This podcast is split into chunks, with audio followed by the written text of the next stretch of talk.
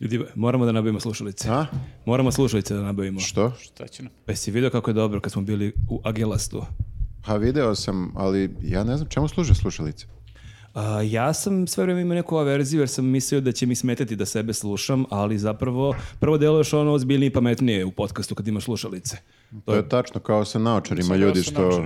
Ljudi, sna- a zamisli imaš naočare i slušalice. Zamisli da imam dioptriju neku kao. Mora bi stvarno da nosim kao sa dioptrijom. To bi isto bilo dosta komplikovano, ali mislim da je dobra stvar, čuješ onda i druge i manje ulećeš ljudima u reč, što mi nekad moramo priznamo radimo. Jesmo bili fokusiraniji kod Galeba, možda nam je ono bio najbolji podcast ikad, bolji od svih ovih njuzovih podcasta. Mislim, dobar je, dobar je njuz podcast, ali... Mm. Ali Agilas je prilično dobar, da, da. Pa ja, da, ja ne znam kako bih ja drugačije e, slušao vas dvojicu tri sata da nisam imao slušalice. Ovako, isključio bi se sigurno, ali Pa Priznaj onda... kao- da ti je bilo zabavno. E, On je jest. isključivao zvuk ono dok vi pričate u stvari. Puštao sam Ali muziku. samo o sportu kad Muziku pričamo, sam, da. muziku sam... Da, da. e, Ne znam kako smo se uopšte dotakli sporta, to je bilo a, pa, čudno. počeli smo Jer s- ono nije podcast o sportu. E, ja sam po- tamo rekao više puta i ovdje ponavljam, ja želim da vas dvojici imate podcast o sportu.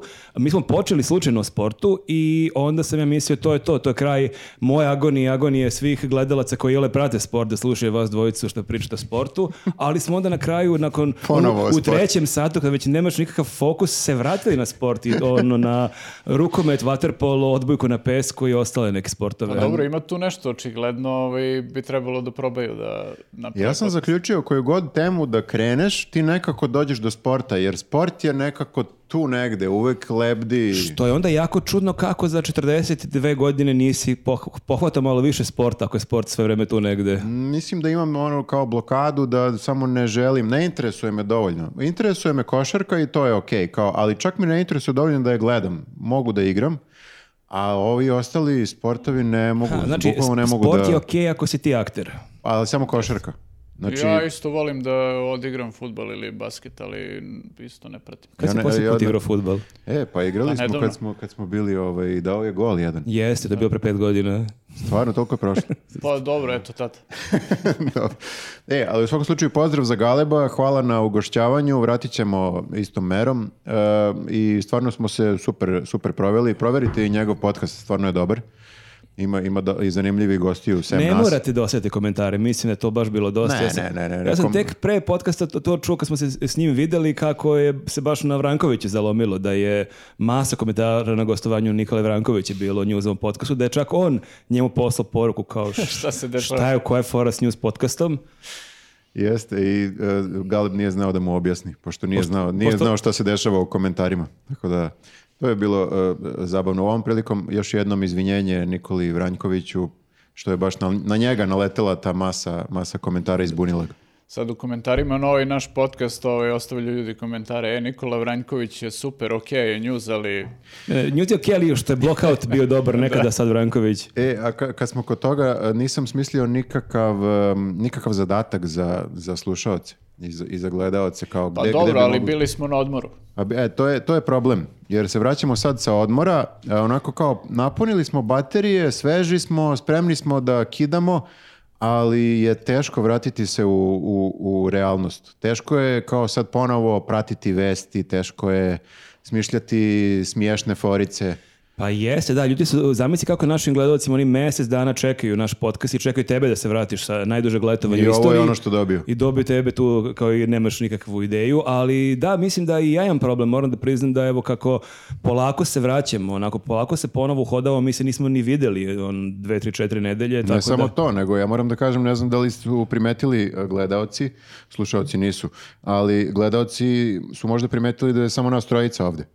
E, Šta I se naš, desilo? I naš prethodni podcast je bilo samo nas troje, ali dobro, bio si na moru, nisi ga gledao. Pa tad sam ja otišao na more, i ok, nisam bio tu i e, još neko je otišao na more i, i dalje su ljudi, e, nisu se oporavili od mora, vlada i grafa. Jeste, ali meni se to jako čudno, pošto je, sam ovdje sam, kao da sam na nekom razgovoru za posao, kao na nekom prijemnom, znači ovako vas dvojica gledate u Ali to je meni. zato što nam je sto takav, zamisli da je okrugli sto. onda je bilo mnogo lakše. Da, ali možeš da nam kažeš šta su tvoji timski kvaliteti ovako? Pa gde vidim sebe za pet godina u, u, u Agelas podcastu? Jel znaš Excel? E, naučit ću, naučit ću, no, volim nove izazove. Da, nama je jako bitno da znaš ofis. Da, ali sam počeo da pričam da e, kao i mi se polako vraćamo, e, uhodavamo ponovo i meni je problem da pratim vesti. Ja sam sad baš malo gledao onako, tako da će ovo biti najslabije spremljen News of Podcast, što je opet dosta teško jer razne podcaste nismo previše spremali, ali smo barem pratili te vesti nekako, a sad sam ja sebe uhvatio da kao nemam pojma šta se dešavalo tokom avgusta meseca i neke vesti od pre 20-30 dana koje sam negde video kao da su neko, kroz neku maglu ih se sećam, kao da su bile pre dve godine.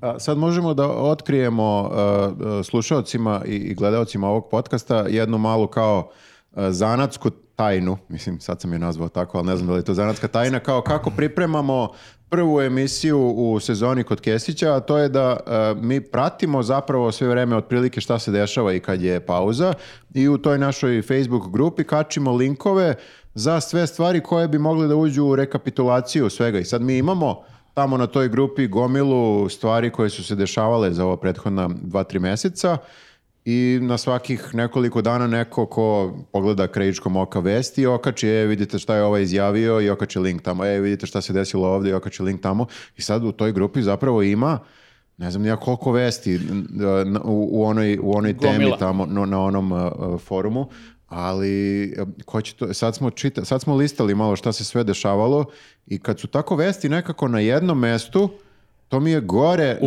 Uplašiš ka- se. nego kad se dešava Bukvalno je je- jedna neverovatno. po jedna. To je previše. A meni je najjače što mi to skoro svake godine beležimo vesti tokom januara, februara ili jula, avgusta i mi skoro nikad s Kesićem nemamo tu rekapitulaciju. A ima, imamo je sad u zadnje Nekad. vreme, ali baš onako trudimo se da je skratimo Da maksimalno. bude dinamično i brzo, ali mislim, problem je što ovaj, mi e, skupljamo te vesti i sve smo u fazonu, napravit ćemo rekapitulaciju kad počne ponovo sezona, međutim, najčešće se desi da za prvu epizodu mi već imamo unazad za nedelju dve toliko materijala da bukvalno nemaš ni gde da staviš tu rekapitulaciju. Nema ni potrebe, da. A nema ni potrebe, toliko gluposti se desi ono bukvalno na dnevnoj bazi.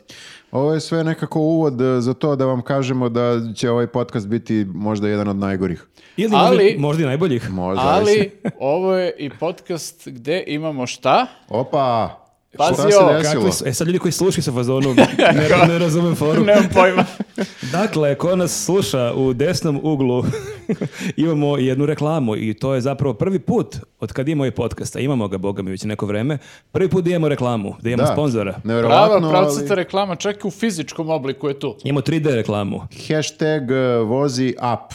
Tako se zove e, naš, e, naš sponsor i jako smo mu zahvalni što je došao nekako da nas spase, da, nas, da nam pokaže da je moguće kao imati sponzora u podcastu, pošto baš smo počeli da sumnjamo da li, da li postoji ikakvo interesovanje. Da li je u nama možda problem? Da, Da li je da. problem u nama? I ja sam jako zahvalan što je to e, firma koju ja zapravo, a i ti Marko, to smo saznali Jeste. kasnije, koju mi već, mi već koristimo našeg Totalno. sponzora. Znači, nije to ono kao sponzor dođe ti neka firma pa moraš da izmislaš, izmišljaš To nešto je, mislim, o njoj. jedina firma koju nas dvojica koristimo.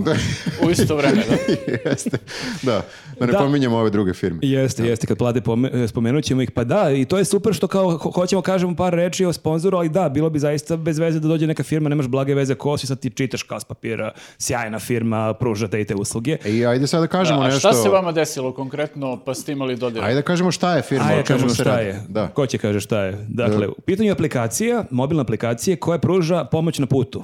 Pomoć vozačima, automobila i motora. U slučaju da ti se nešto desi na putu, da ti stanu kola, pukne guma, ne znam nija šta, da ti treba šlep, e, ovo, ovo je prava stvar. Meni se zapravo i desilo e, jednom da e, sam iskoristio pomoć ove aplikacije. Da, i to- ja sam tad bio u kolima, mi mi smo u Sombor putovali, ja tad pojma nisam imao šta je vozi app. Niko, I- niko od saputnika nije imao pojma šta da, je. inače, ako ljudi, ljudi koji prate malo duže Newsov podcast znaju da si ti taj ono, najprogresivniji član ekipe koji uvek ima prvi sve aplikacije. Uvek i ostalo. instalira sve. Mora on sve, sve što se Sve pojavi. što on izađe mora. on odmah instalira. Ja sam to vidio na internetu da se pojavila ta aplikacija i odmah čim sam vidio sve što se pojavi na internetu ja skidam, gledam šta je to. Ako je nešto digitalno, ja sam u fazonu ovo je super, ne moram da idem u poštu da popunjavam uplatnice na nekim šalterima i tako to, nego odmah sam uplatio tamo, to mu dođe kao godinu dana e, raznih e, usluga koje ti oni pružaju u slučaju da ti se nešto desi dok si u kolima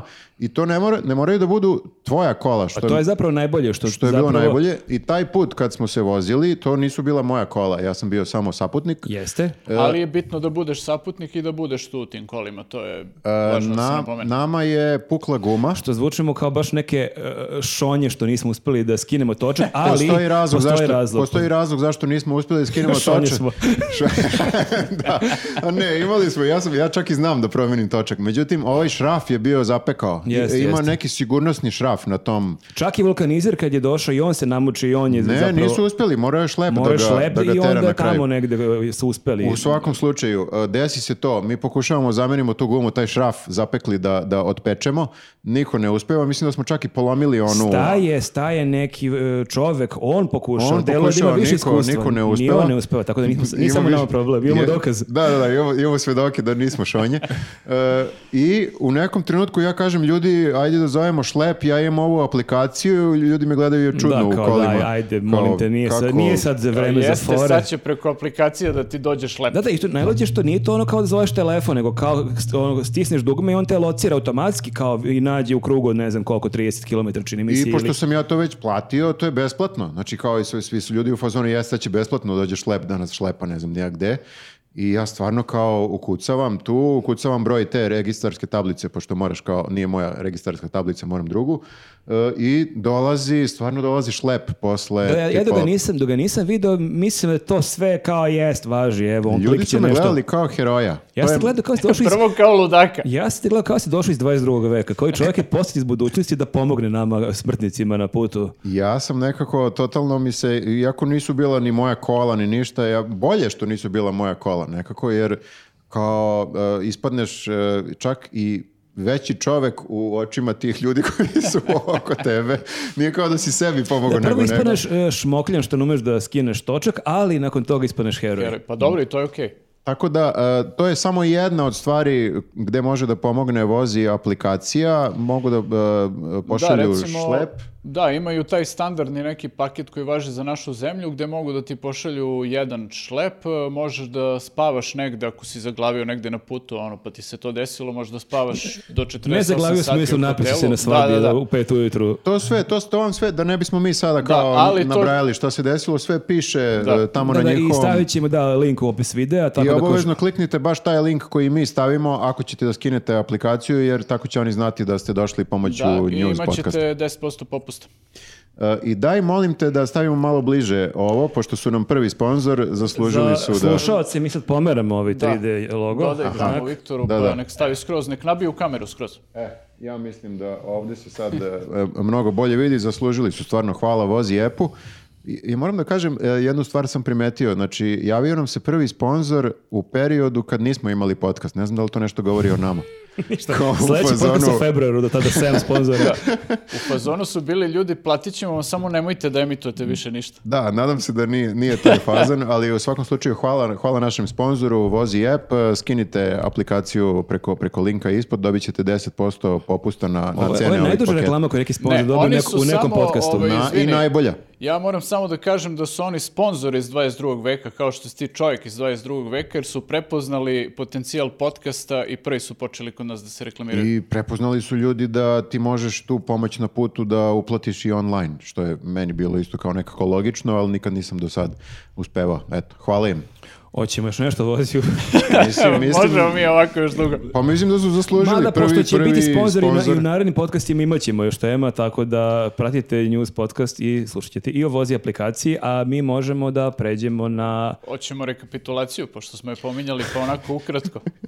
Možemo da pređemo na ovo, na Da se, ovo da što se, nam je možemo posao. da se provozamo, dosadno. kroz, se provozamo kroz vesti. Provoze za mnom.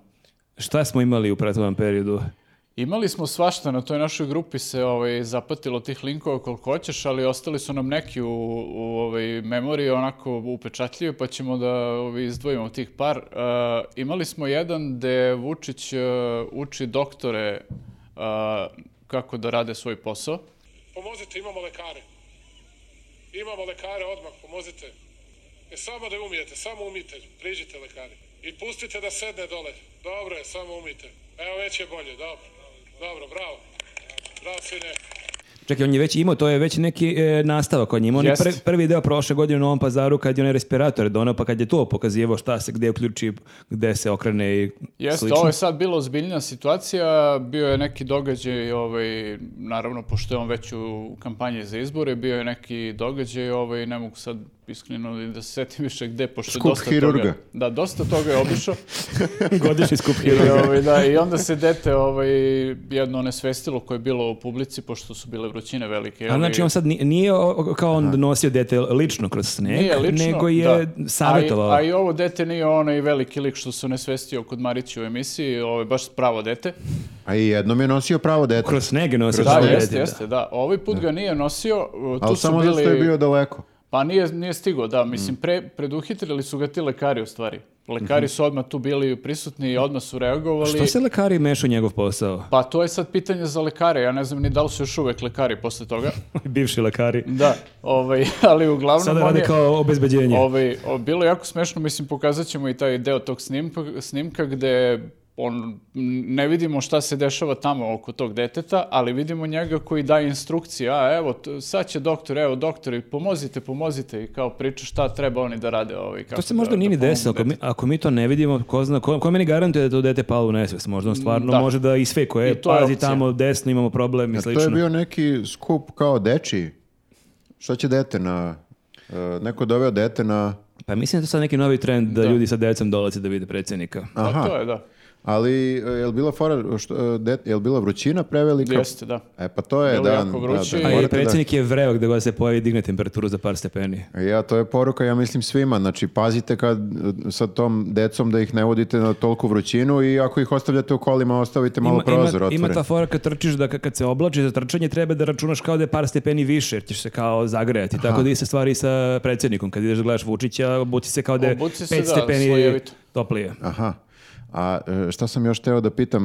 E, On nije uspeo da stigne do deteta i video je da će neko da stigne pre, ali nekako je u- pokušao da da, da i on učestvuje u tome time što će sa tog svog jeli, podijuma davati instrukcije negde tamo. A ne, ti ako si lekar, ti nisi se nikad susreo sa situacijom da neko padne u nesvest. To Ti je imaš prvi u put. teoriji, to učiš. Učio si o Džabe ti- tome, da. džabe ti to u debeloj knjizi ako nisi to Mm. video. Ali Jo. jako znači ako ima tu neko pored da ti priča šta da radiš. Ali dobro fore što stvarno Vučić se u životu nagleda ljudi koji padaju u nesvest. O, već je spomenuo A, ovog ima čoveka iskustva, da. u Ćirilici, tako da on stvarno možda je u fazonu, da, da, z- znam kako ovo ide.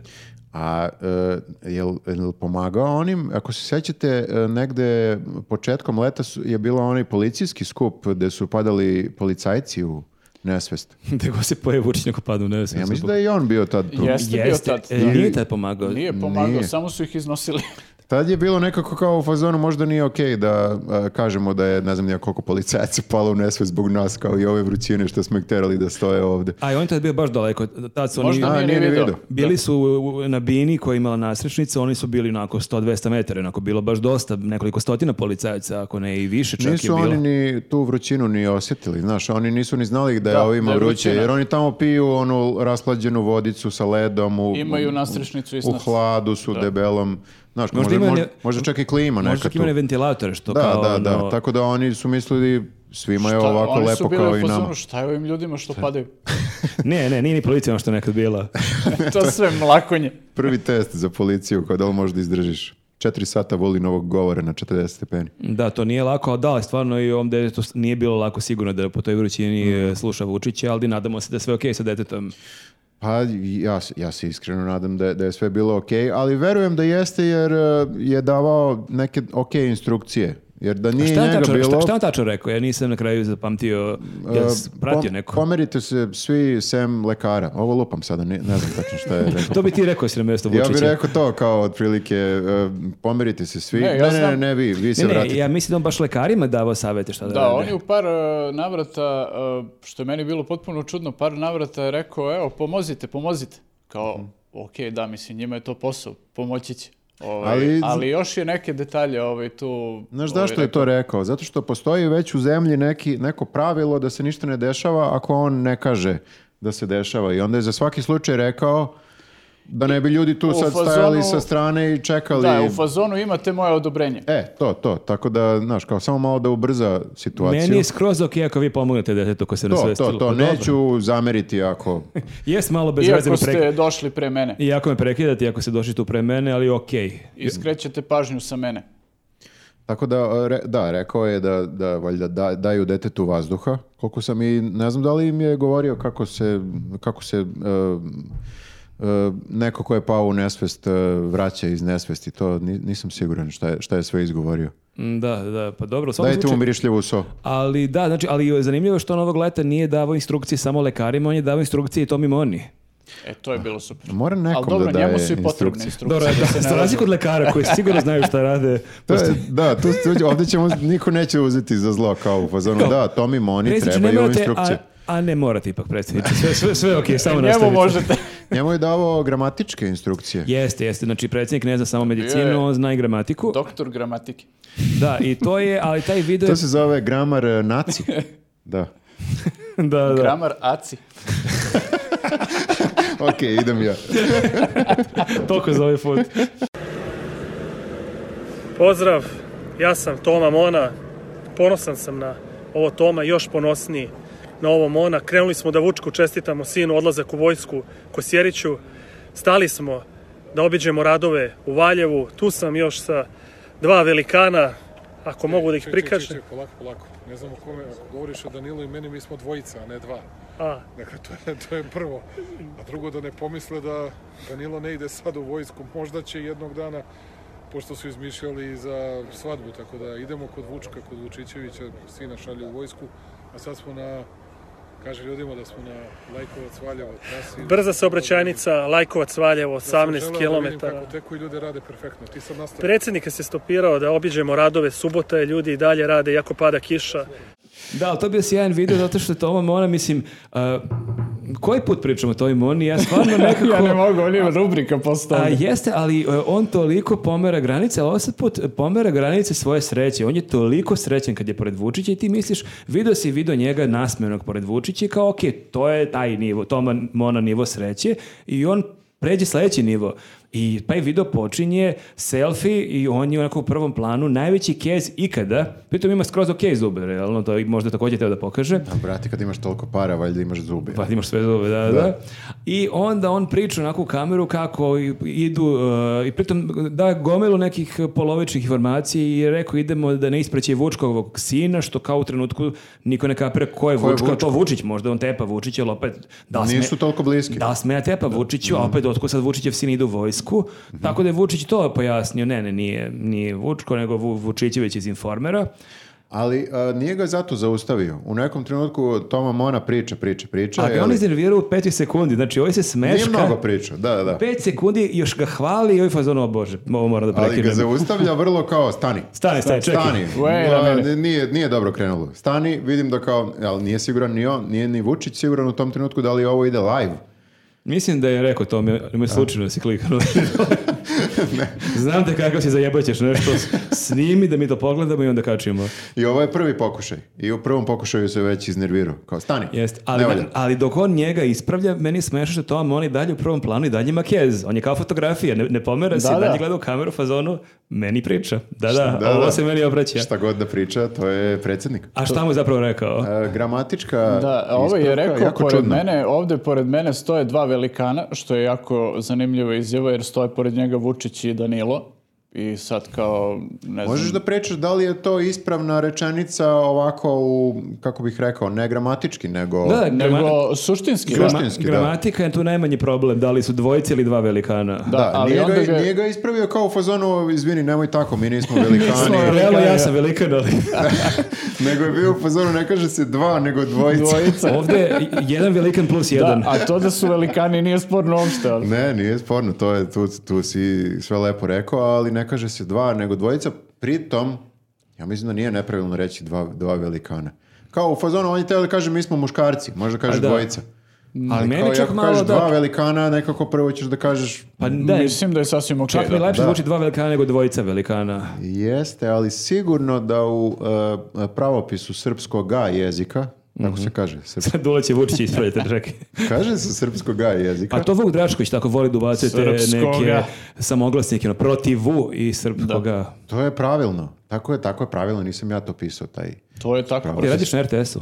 Pa je rad, mislim, nisam radio, ali sam nekad bio na fakultetu. Ono, kao, Na RTS. Kao student. Kao student i onda smo tamo imali taj pravopis srpskog G jezika. Eto, to je. Šta da radim? Filo, filološki. E, uglavnom, da se vratimo na ovo, ja sam siguran da je To, to, to ono... mojim mojim anegdotama s fakulteta. Gde nam je Klein? Jel E, imamo- imali smo ga negde. Imamo Klein. negde tamo. Ali je, znaš u- šta, više, mi smo ranije imali Ostavi. Kleina na stolu, ali e, malo je blam da imaš Kleina na, na stolu, jer ti mi impliciraš da ti ne znaš baš najbolji srpski jezik i onda mi se treba da se Nisam to skloni. nikad tako shvatio. Pa šta, mislim, treba da imamo Vučića na stolu. Vesića. Kao uvek da kaže, ne, ovo, ovo nije kao dvojno pravilo, može samo da se kaže dvojica, ne može da se kaže dva velikana.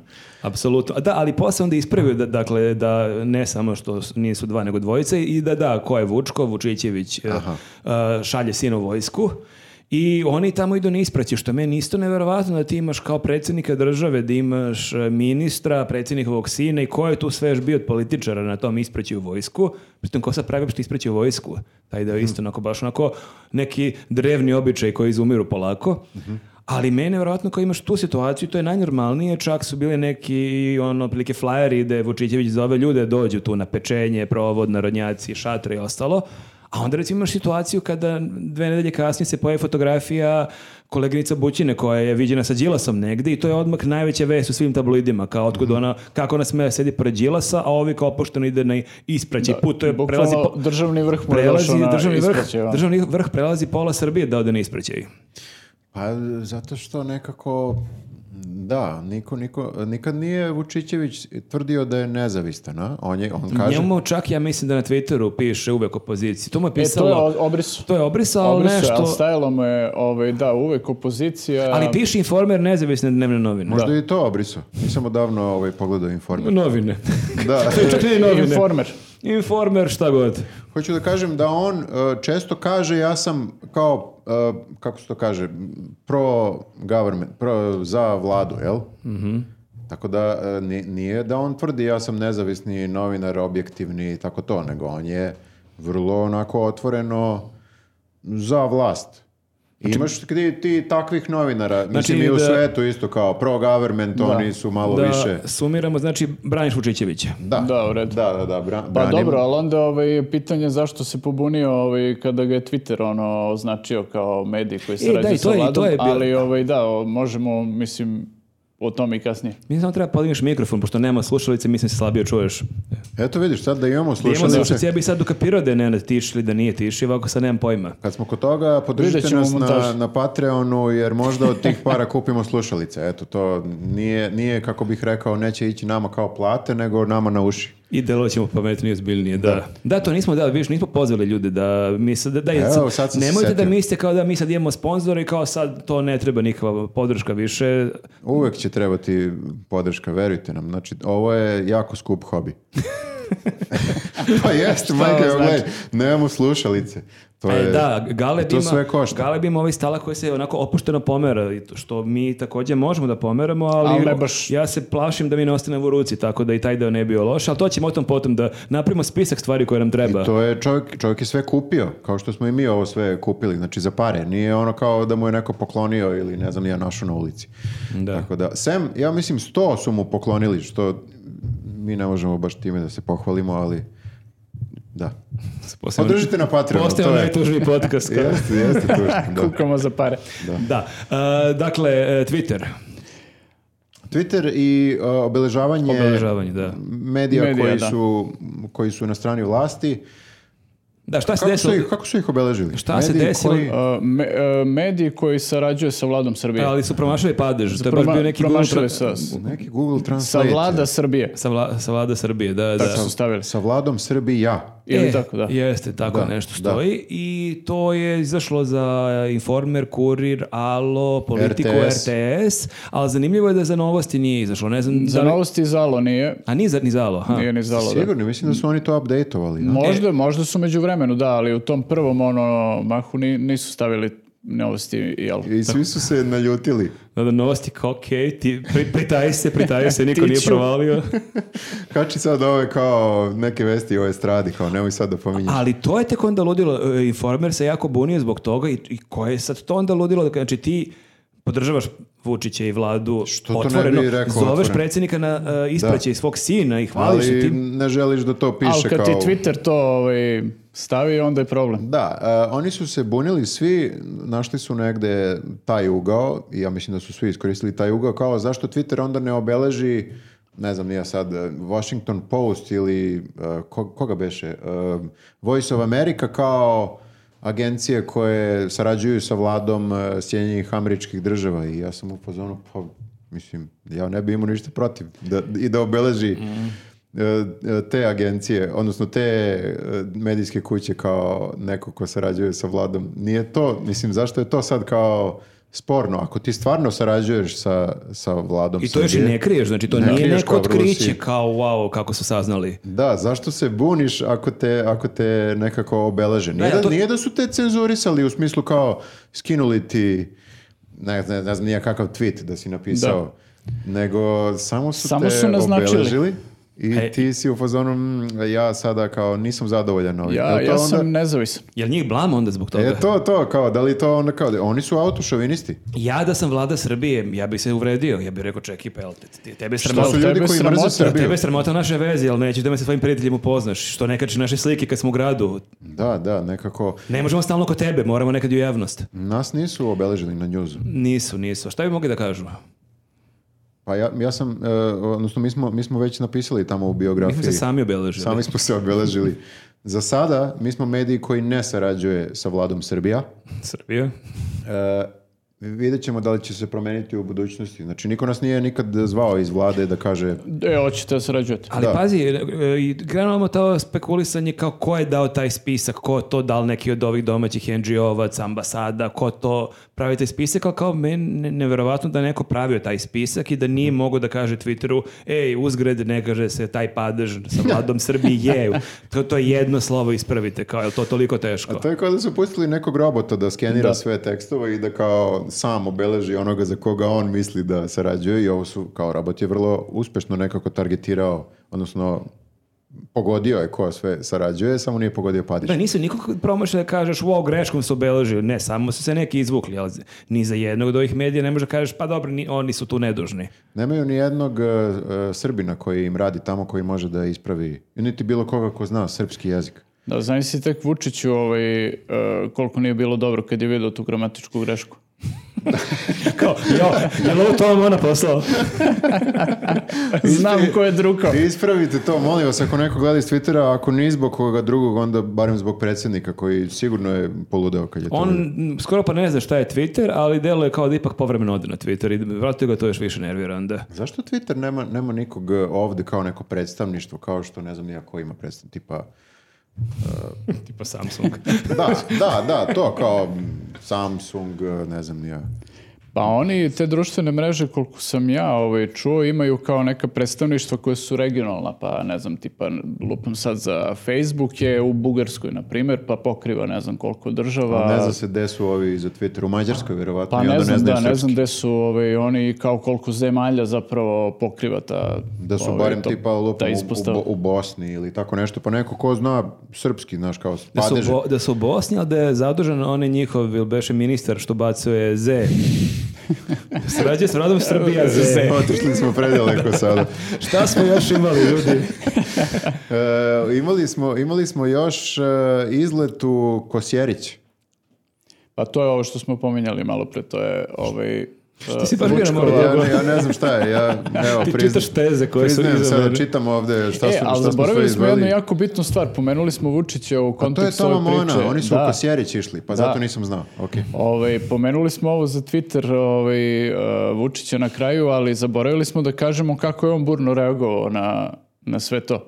Ovaj, on se baš onako pobunio i rekao je, naravno uspeo opet nekako od sebe da napravi žrtvu i rekao evo, ugasite i meni profil, iako niko nikome nije ugasio profil.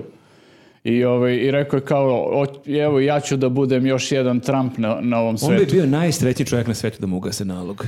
On bi jahao to 20 dana i pričao svaki dan o tome. Pa i Minimum. nekako to jeste dobra reklama, zato što ima dosta ljudi ovdje kod nas koji misle da je Twitter stvarno m, cenzorska mreža koja moćna napada mreža, pravične, hrabre državnike i tako. Njima je to su... Trumpu je isto bila super reklama, mada Baš je poslije toga procvetao. nije, nije procvjetao posle toga. Ali kapiram da Vučić bi. Da, Jer, da, kao on bi to jako volio. On se trudi, verovatno, ali dao su u Twitteru fazon šta god. Pišiš, pišiš da god hoćeš. Ne Pa jeste, zanima. stvarno je Pa ljud- dobro, kao i za RTS koji je rekao nećemo ništa da objavljujemo na Twitteru dok ne povuku odluku.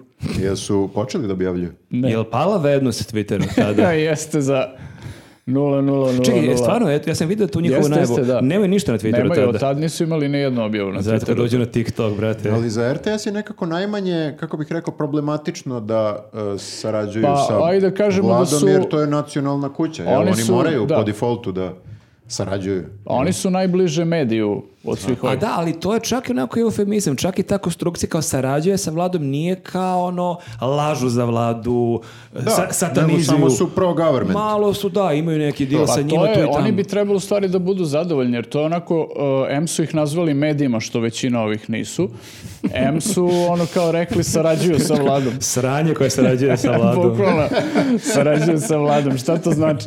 Ali zapravo mislim u tom objašnjenju Twitterom stoji kao da je to ono kada se bave zapravo propagandom i kada postoje financijski, ne znam, ono, kakvi interesi države u tim medijima i kao kontrolišu ih praktično. Dakle, Zato je zapravo mogao da bude Vučićeviću zapravo pohvala, kaže, kad mu kažu ti U, nisi novinar, ti sarađuje s nisi medij, kobr nije medij, vidi, Vidi. piše medij, u Da, prvoj, da, prvoj, fokusirajte se na prvi deo rečenice. da, Da, da, Mm. ako ovo- gledamo prvu reč, to to je okej, medij. Mediji. Kad smo, kad smo već kod medija, e, vlasnik Pinka je imao Svašta. dobre Pa ovaj... Ima je burno leto. Imao je, da. Nije spavao, nije spavao. on se nije mnogo potresao Imao zbog je ove oznake burno, imao na je Twitteru. burno leto, to je baš bukvalno burno. Ja sam gledao sad, e, kad sam bio u selu i sad majka moja gleda neku seriju na Pinku i to mi, je- ja nisam gledao Pink, ne pamtim. I sad imaš ludilo što u toj seriji imaš minut dva vesti, ali te minut dva vesti su u praksi 10 minuta Željko Mitrović intervju, bukvalno 10 minuta. Nazvali su pogrešnu emisiju, kao mi 24 minuta. Da. da, ali mislim da smo mi mnogo bliži 24 minuta nego što je on minut dva, jer je on bukvalno vi- duže za jedno 15 puta i gledao sam baš neki intervju s njim kako je on, ne znam, najveći genij, najveći pronalazač, ali on ima neki robokab, neki bacač raketa, znači on se, to, to je nadrealno, ja gledam ovako kričkom oka i sad on nešto priča, neki intervju, ja ga ne slušam, onako, igra se svojim kosom, zabacuje šiške, kao šta god, u jednom momentu ja okrenem se, lik se pojavlja što u nekim slow motionu, neka muzika, ima neke četiri bacača rakete na desnoj ruci, i četiri bacača rakete na levoj ruci i puca. Ja sam u fazonu, jebote šta je sad ovo? Da nisi nešto uzeo umeđu vremenu, Da, kao da ne, se brate, nešto nije, bukvalno, sam ali popio vidim- nešto u kafi. Vidi, moja majka gleda također, znači i ona to vidi, znači baš ono... Nisam ja samo, Nisam ono. bio u gradu, ne Majko, znam. da li vidimo istu stvar? Majko, evo, čovjek ima pa- rak- bacaš plamena rakete. Reality check. kao. Ali to nije bio kraj, u stvari. On je posle toga imao i hodanje po vodi. Ovo je kao zagrevanje. Čekaj, ali izvini, samo... A Pa sad zamisli da neko sad samo ovo gleda, da, da, da ne, ne prati vesti, da ne zna ko je Željko Mitrović i sluša nas trojicu i kao čemu ovi ljudi pričaju pobogu. To, ali to su sve, uh, znači on ima taj, ima neki bacač plamena, šta je ima? A Pa to Ima su, da li nešto- su kao neke rakete ili neki bacač plamena? On je zapalio neku, mm, neke kulise, neke ono, u Kao pravi Šimanovcima. nov, nov, nov set Sarapu. zadruge. Da, pa, da, a- ali je, Slučajno spalio sarapu. nemoj da ga promašiš. Ja zapalio Miljanu Kulić. Kao, ali, A šta, neko je bio iza, fuck. da, da, Pa Jebi ga. kao, prijavila se na spaljivanje kalorija. E, e, e, hte- e, hteo sam samo da e, proverim jednu stvar, znači, jel on to pravi za vojsku? Kao, jel mislim to za sebe kao- pravi. Za sebe? Pa da, ono, Ali to je isto, to je izum koji već postoji. Znači, Elon Musk je imao onaj bacač plamena, ako se sećate, koji je napravio više kao neki ono PR, e, reali- kako se zove, PR stand, Stant, da. e, reklamni trik, kao ja ću da prodam sve, pa mogu i bacač plamena. I onda stvarno napravio neki, mislim napravio, postoji već bacač plamena, jel? I ljudi su kupili sve Elon Musk brendirane, Tesla čekaj, brendirane. smeš da ti ideš gradom sa bacačem plamena, tako? Ne smiješ da ideš gradom, ali u Americi svašta toga smeš. Može, da. Da, zato što imaš one njihove dozvole za carry on, za ne znam ni ja šta, i ovo spada u neki, neko oruđe, a ne u, or- ne znam. neću sad da ulazim u to, nebitno mi je. Hoću samo da e, e, kažem kako Mitrović e, pravi izume koji već postoje. Znači, postoji i ovo hodanje na vodi već postoji. Naravno. Isus. Da. Isus, da. Ali nije patentirao. I onda svi sada kao mogu da rabe taj. Ali da, kao da nije bilo dovoljno što on hoda po vodi, nego što je š- e, na videu koji je okačio na, na svoju Twitter i na svoj Instagram ubacio i onu muziku, ono ameno. da. Da, ma- e, kao da nije već dovoljno pretenciozno da ti kao pomisliš, čekaj, je ovo kao sad kao Isus i da ne bi uopšte morao da razmišljaš o tome, imaš A, muziku imaš koja muziku je- koja podlači Da, da, to. Isus je. Da, jeste Isus. Šta ti nije jasno, majmune? Tako da, eh, hoću da kažem, on dosta energije ulaže u to, ali ja bih voleo da osmisli nešto što stvarno ne postoji. Voleo bi to da vidim. I one letelice pre kad je pravio, sve to već postoji. Ono sad A i sve, dronovi to, koji ga i sve dižu. to prilično nepotrebno što on pravi. A nepotrebno je i... i- Koliko ti često imaš realnu potrebu da hodaš po vodi? Ako znaš da plivaš. A Pa ni- nije, ajde kažemo da nije nepotrebno. Znači, sigurno Da, o postoji tome ne- možemo da neki- pričamo. Može da se diskutuje o tome, sigurno. Ima situacija kada moraš da... Prepešačiš re, Savu. pa i- Ne, ja često se pomislim kao kako bi sad prepešačio ovde reku. pa da ne ulazimo u to, ali ajde da kažemo da postoji... Ja često kad recimo trčim pored reke i vidim preko reke kako je ludilo na freestyleru, ja poželim da prepešačim do freestylera, to je Pa tačno. to je, da, ili da imaš čamac. Ne, ne, ovo je mnogo... U većem Mnogo je stilu Znači, uđeš. nadrkanije, uđeš na Uđeš, splav, kažeš. da. Ispa, Ko šta- ko šta pije? ispališ iz bacača. Ali eto, ajde kao ako Mitrović ovo sluša, evo ideja e, čamac. Kao za izum sledeći. Mogu bi da izumi čamac. Da, da, da idu nazad, onako, iz- smisli točak. I kad- Ili, Kad, pogledaš, ili, izvini, kad pogledaš e, njegove e, emisije na, na Pinku, uvek piše ono Baj Željko Mitrović i ti vidiš kao one stolice koje se okreću i pomisliš Hmm." hmm, jel ovo njegov izum? Šta, pre su bile statične, onako, fiksirane. pa pazi, ja ne znam one balerine koje kruže i ovako se pomeraju, da li je to njegov izum? To, e, ba- balerina ima na... Na čekaj, Vaš- balerina na Vašaru? Vašaru? Pa ne, imao je i one kjete kao. A to U onom je njegovom emisija šovu. koja je jako kratko trajala. Da, nažalost. Ne znam o čemu pričate. Bile su bi- ovako kao... Ogromne bilo je- balerine. Ogromna balerina. Čekaj, kakva balerina? A, bila je emisija kao ko najbolje pleše. Znači isto kao ovo ko najbolje peva, samo ko najbolje džuska. Dobro. I pretpostavljam da isto taj koncept emisije nije njegov izum.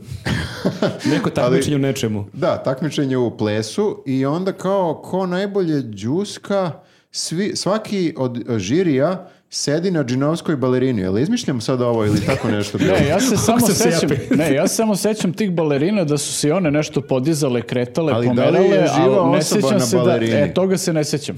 Ali bilo bi dobro da jeste. ekstremno komplikovan e, set. Znači, Mhm. baš ono komplikovan. I, I skup. I skup, i sve. I jedini problem je bio u tome što niko, nikoga ne zanima kako neko džuska. Ali I zamisli onda je ta emisija trajala tipa mjesec dana. Da, iz nekog razloga te emisije sa plesom baš loše Ne, prolaze. Ne, ne, ne. Kao, Niko, wow, super igraš salsu, baš sjajno. Da, da, kao strava, a nego da vidimo kako ovaj peva. Da, ovo to je dete. kao svi gledaju kako neko peva. Ali- ne znam u čemu je stvar, ali... Bilo bi bolje kad bismo mi recimo na ovom podcastu sedali na ve- džinovskim balerinama Pa koje se bilo bi okreću. uzbudljivije, da. Tako da potrošite nju za Patreon da kupimo džinovske balerine. Sve dok e, posle toga ne džuskamo, ovaj podcast će biti gledan. To je, to je moj Da, zaključak. znači i zaključak je da Željko Mitrović e, ovaj, izmisli nešto što ne postoji.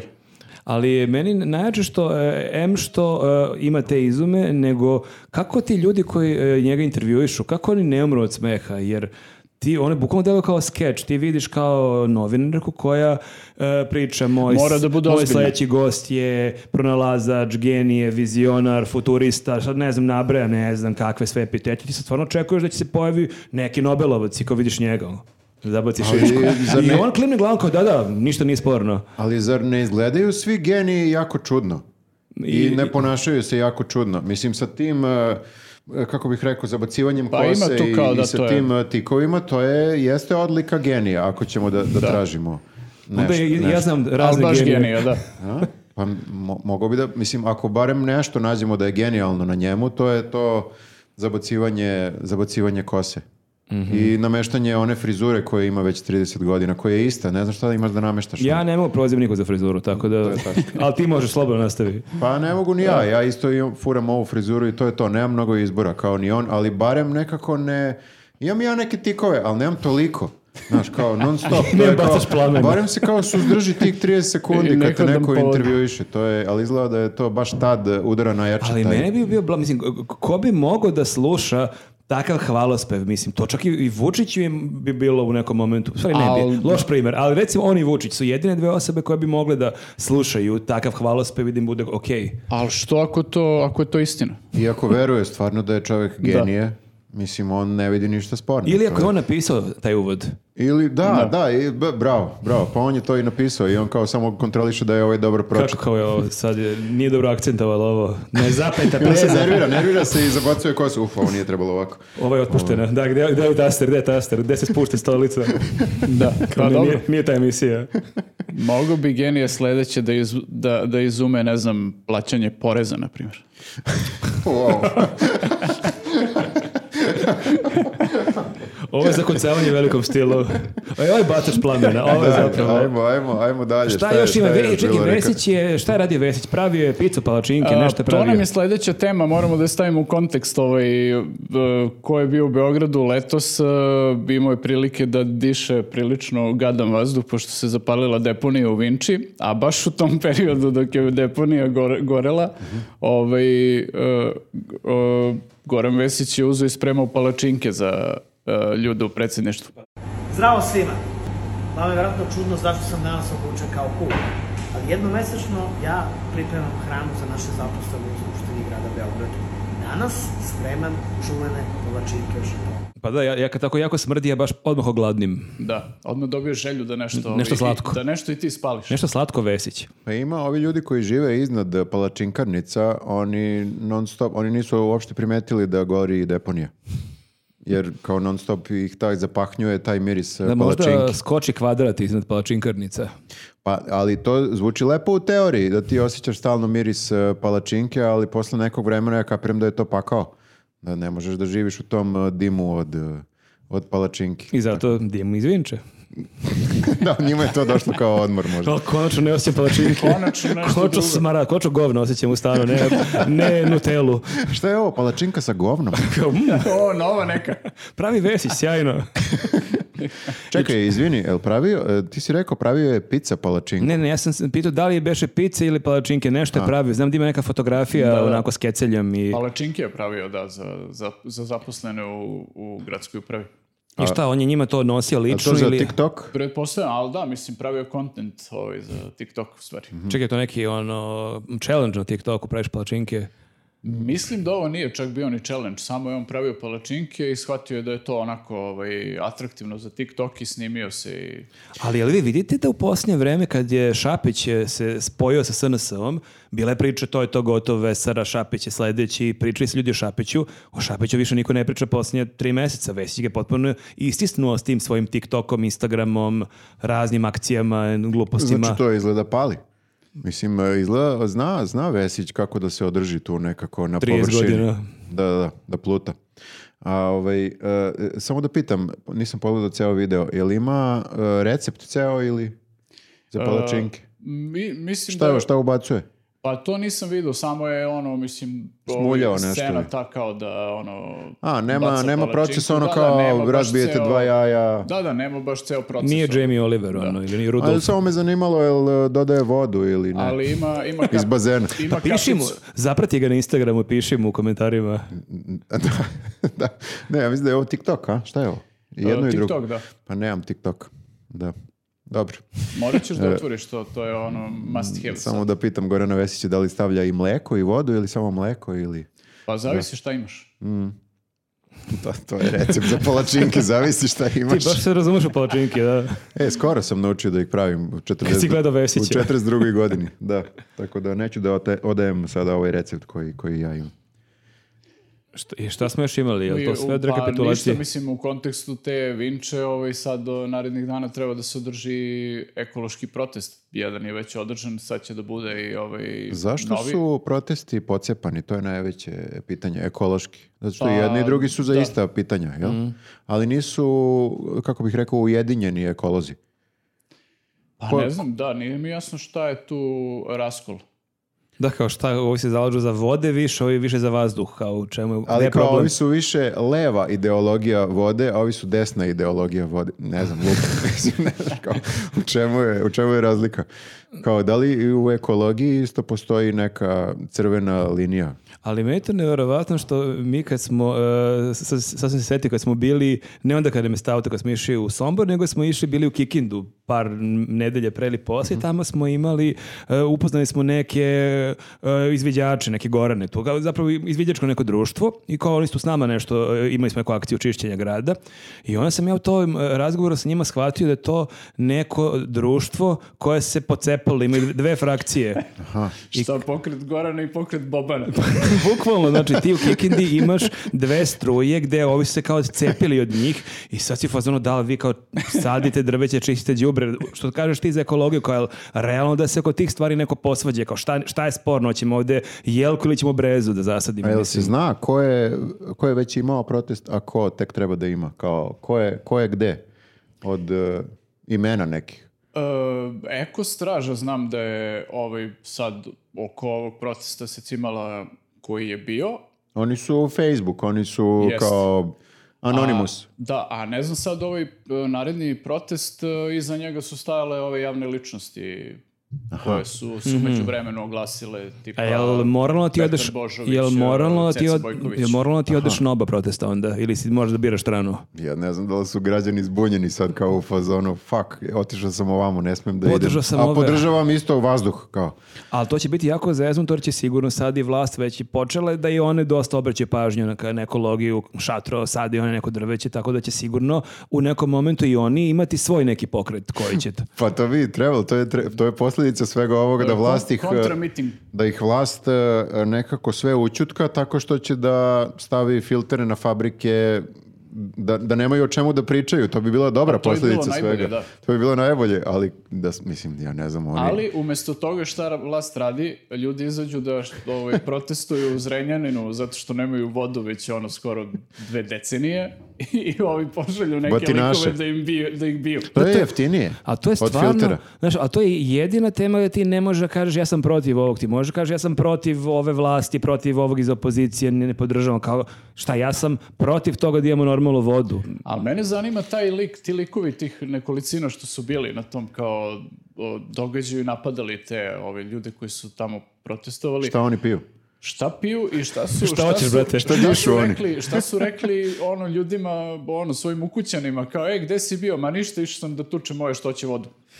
Ma da, ali ne, oni ni- ne razmišljaju, bre, oni to toliko, znaš, kao oni samo imaju zadatak i u- ne unose se previše zašto, čega je to? zašto oduzimaju Da. transparente i zašto maltretiraju nekog, A nego... to stvarno ne možeš da opravdaš, mislim, znaš, sad sve, ok, ti podržaš ovu vlast, ok, ja, ja razumijem da neko podržava vlast i da čak nije plaćen, da neko stvarno iskreno veruje da Vučić i ekipa rade dobar posao, ja to mogu da razumem, ali da je neko protiv toga da se, da bude voda za piće u nekom gradu, da mu smeta ta ideja, ajde da probamo da pijemo ovu vodu i to baš, baš ne, ne, ne mogu da shvatim. Ma, e, a, n- naravno da ne, da ne možeš, ali s- stvar je samo u tome što o tom e, maltretiranju ljudi koji su izašli da protestuju nećeš nigde čuti na ovim masovnim medijima sa nacionalnom frekvencijom i zato i ovi misle da mogu da se izvuku sa tim kao što će na kraju i da se provuku nekako, znaš, kao čuće se samo na nekim slobodnim medijima poput news podcasta.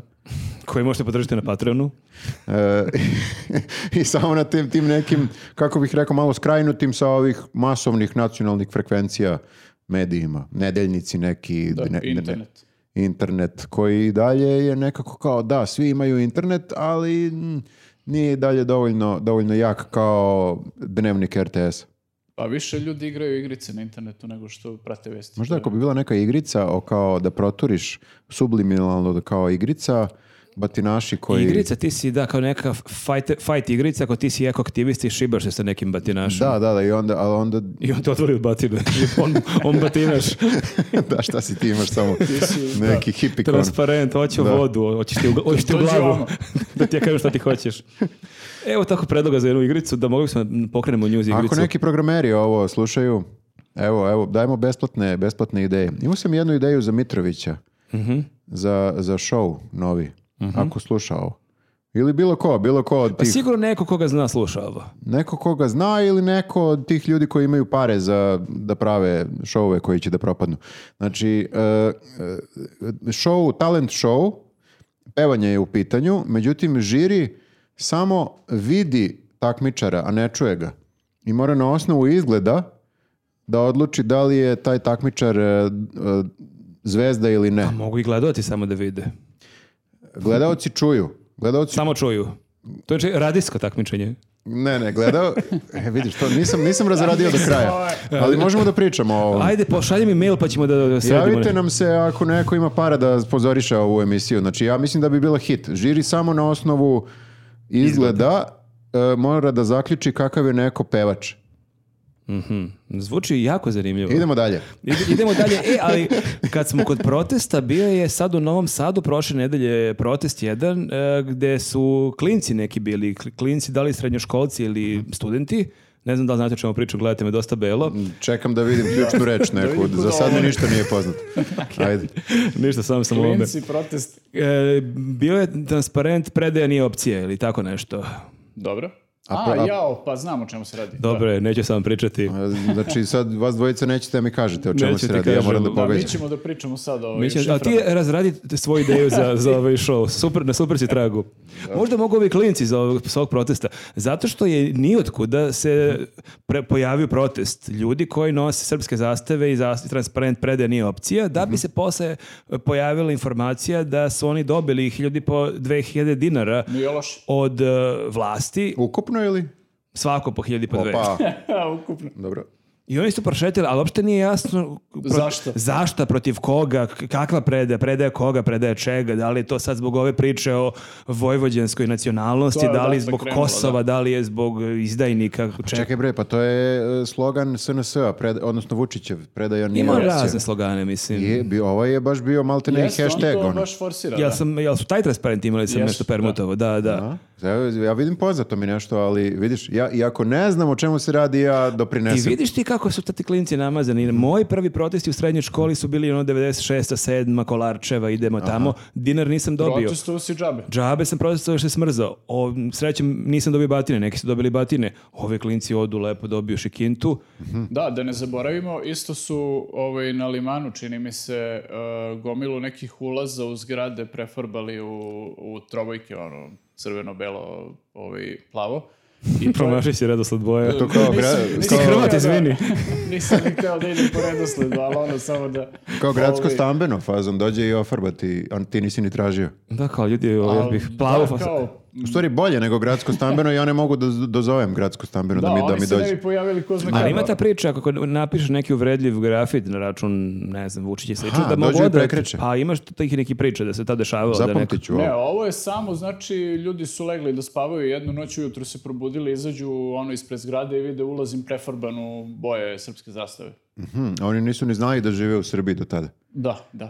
Pa ovo je i e, Da, kao- cilj toga je bio da, da ih podsjeti. Da kaže, "E, ljudi, nije ovo Vojvodina, ovo je Srbija. E, Aha, aha, aha. A da, ali to je super kako se... Koje su boje vojvođanske zastave?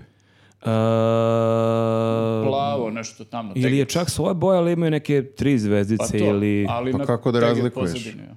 Mislim, isto su boje. Možda sam onda i pogrešio, da vidiš, mo- nisam se dobro. podsjetio, ali pišće ljudi, Sad vrećene će su da nas komentarima. vređaju. A, da, komentarima, napišite u komentarima. Imamo baš jako malo informacija za ovaj podcast. Pa ka- rekli smo da se nismo spremali. Mhm. Da, da, ali e, koliko se, koliko je ispala vest od toga što je k- krenula priča kako ćeš moći na sledećem popisu stanovništva da se izjasniš kao Vojvođanin, što je potpuno ludilo jer ti si mogao na bilo kom Možeš i do popisu sad da, da, napišeš bilo šta. da si Eskim, da si Indijanac, da si Jedi, da si šta god hođe, o ninja kornjača, mogu si bukvalno bilo što da kažeš I ja, ja sam isto, kad je bio onaj popis, isto hteo da napišem nešto šaljivo, ali nisam mogao smislim ništa. Pa si napisao Hrvat. Ali Čirilicom se napisao. Da Pa zvonim, dobro, nismo, Nismo mašili za zastavu. Ovaj, e, Te iz- su boje. Znači, Da, da. Možda na to on- teget zvezdice sa ovom crvenom linijom. To ti kažem, znači, Znači, isto to je. su možda i Ja sam Vojvođani. i mislio da je tako nešto, ali nisam bio siguran. Al, za, al zvezdice su žute. Aha, fali, fali žuta Fali boja. žuta boja. Dobro, Znači, Znači sad samo ako okej. može, ko, ko je recimo Vojvođanin, e, Da, prefarba da u belo ubaci, žuto. ili ne ubaci samo ove Ili zvezdice. zvezdice da stavi. Imaš i da negde. kupiš kod Kineza one ko su, nalepiš. što svetle u mraku, one. Je li ovo uvreda isto sad za, za Vojvođane? ili za Kinezi, ili, ili za Kinezi iz Vojvodine. U, sva- u svakom slučaju, ispala je priča kao da ćeš ti na sledećem popisu imati kao na kvizu, ono, opciju ABC, pa kao imat ćeš to, ono, Srbin, Hrvat, Vojvođanin, pa kao, wow, kako sad Mhm. imam opciju Vojvođanin. Ti si, Uvek si imao. Mogo si je kažeš bukvalno šta god si hteo i čemu Da, sad ljudi priča o su se tome. Osim ako- izjašnjavali kao Jedi, bukvalno. Da. Aha, osim ako sad nisu promenili, pa sad imaš ono, e, samo tri opcije, moraš da zaokružiš. Pa sad sam to rekao da je kao, kao na kvizu. Aha, a čekaj bre, jel imaš opcije ili imaš e, prazno polje? Ja mislim da je prazno polje, nema opcije, jer šta ako si neka manjina koju nemaš, ako si neki letonac, kao ne, Jebi ga, nemaš jebi opciju. ga, izvini. Letonče. Što, s- što odgovaraš na ovu anketu? Mi, mi imamo ovo. Ti se odluči. Ti sad Ako si izaberi. baš ono kao izdajnik, može kažeš Vojvođanin. Letonac, znači Hrvat. Tako da to su... Vojvođanin i u zagradi. Jesi siguran? Dobro, da, zanimljivo. Vidiš, nisam, nisam znao. Mislim, znao sam da je pre moglo da se upiše šta hoćeš, ali da, sad je, sad je Ne, ne, samo zato što su- spinovano na taj Pa način Jeste kao da... na sledećem referendumu, ne, referendumu popisu ćeš moći se izaći kao i Vojvođanin, kao, a za razliku od prošlog šta, je, mislim, ljudi su Kao se nisi izašli. mogao šta. To je malo mediji su napumpali. Znaš, Misliš, kao, pa traže... To ne liči na medije u ovoj zemlji uopšte. Pa zato što misliš je one medije koji sarađuju sa vladom Srbije? Sa vlada. Srbija, Srbija. mislim. da, ne, da. Ali da, kad smo kod nacionalnih simbola, imali smo sad, to već i nije rekapitulacija, to je već i vest od pre nekoliko dana, imali smo priču oko himne Srbije. Da. Koja e, treba da se emituje pre svakog čas, Ako časa. pitaš uh, Šapića ovog što nije na TikToku, I čekaj, ili ne, nije pre svakog, e, Pre svakog e, časa to, je, ikad. to je predlog Šapićev, da. ne, na svaki pet minuta, znaš, kao kontrolni, kao ajde. To je kontraproduktivno, moram da kažem. Pre svakog časa bi baš bilo... Ne, nije svako časa, mislim da je bila priča... Pre, o- svaki dan.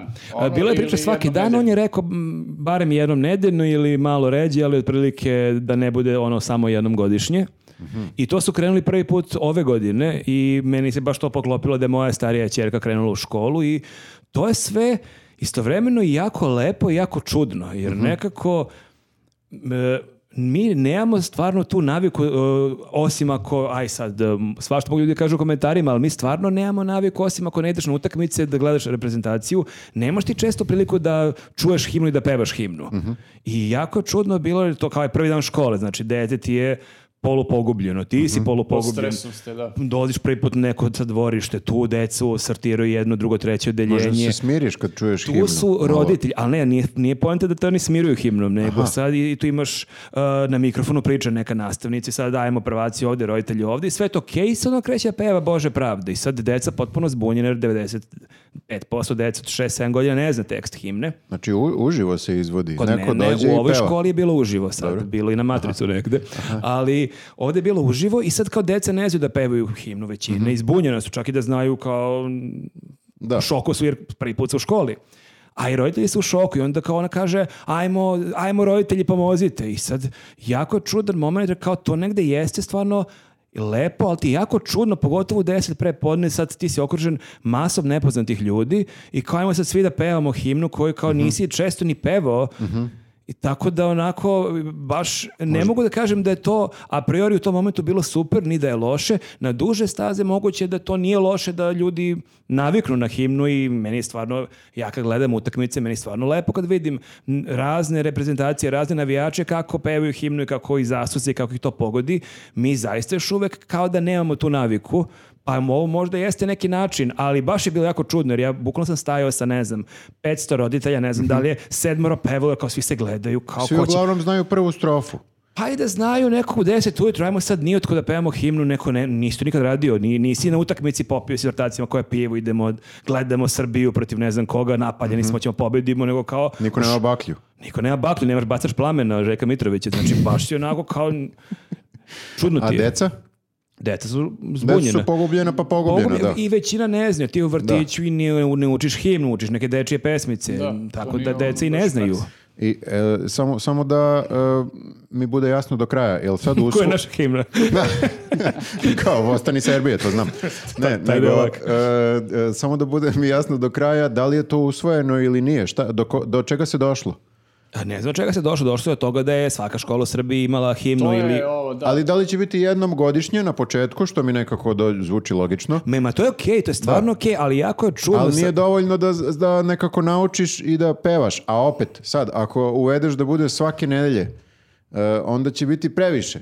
Jer ne možeš da svaku pesmu koju čuješ toliko puta posle nekog vremena izađe ti malo iz, iz mode. Znači, treba A se himna dozira. Ne, ne sme da ti izađe iz mode. To Ne ti sme, je ne sme. Himna od, od sad pa večno, kao i svaka naša himna. Ali deca uče himnu, mislim, pa čak smo i mi, ja sam učio, iako je to bila, ne znam, 91. druga kad sam bio u osnovnoj školi, mi smo učili Bože pravde iz muzičkog, pa smo svašta mi pevali. Mislim Kako da Bože pravde, kao, kako- Nije bila zvanična himna, ali naša nastavnica je bila nacionalista i Aha, onda smo, okej. čak smo pevali, ona je svirala Da, klaver i dobro, pošto sam ja na horu učio Hej Sloven. A da, i ja isto u osnovnoj mi smo sreć, se- sećam se Hej Sloven. mi smo se ocepili, mi smo pili Srbija mnogo ranije. Kad se, kad se, isto godište. kad se to nije smelo, da, da. da mi smo svašta pevali. Ona je, čak, čak, se- čak nam je svirala klavir, mi smo pevali od eh, Galije, pravoslavlje dolazi sa juga.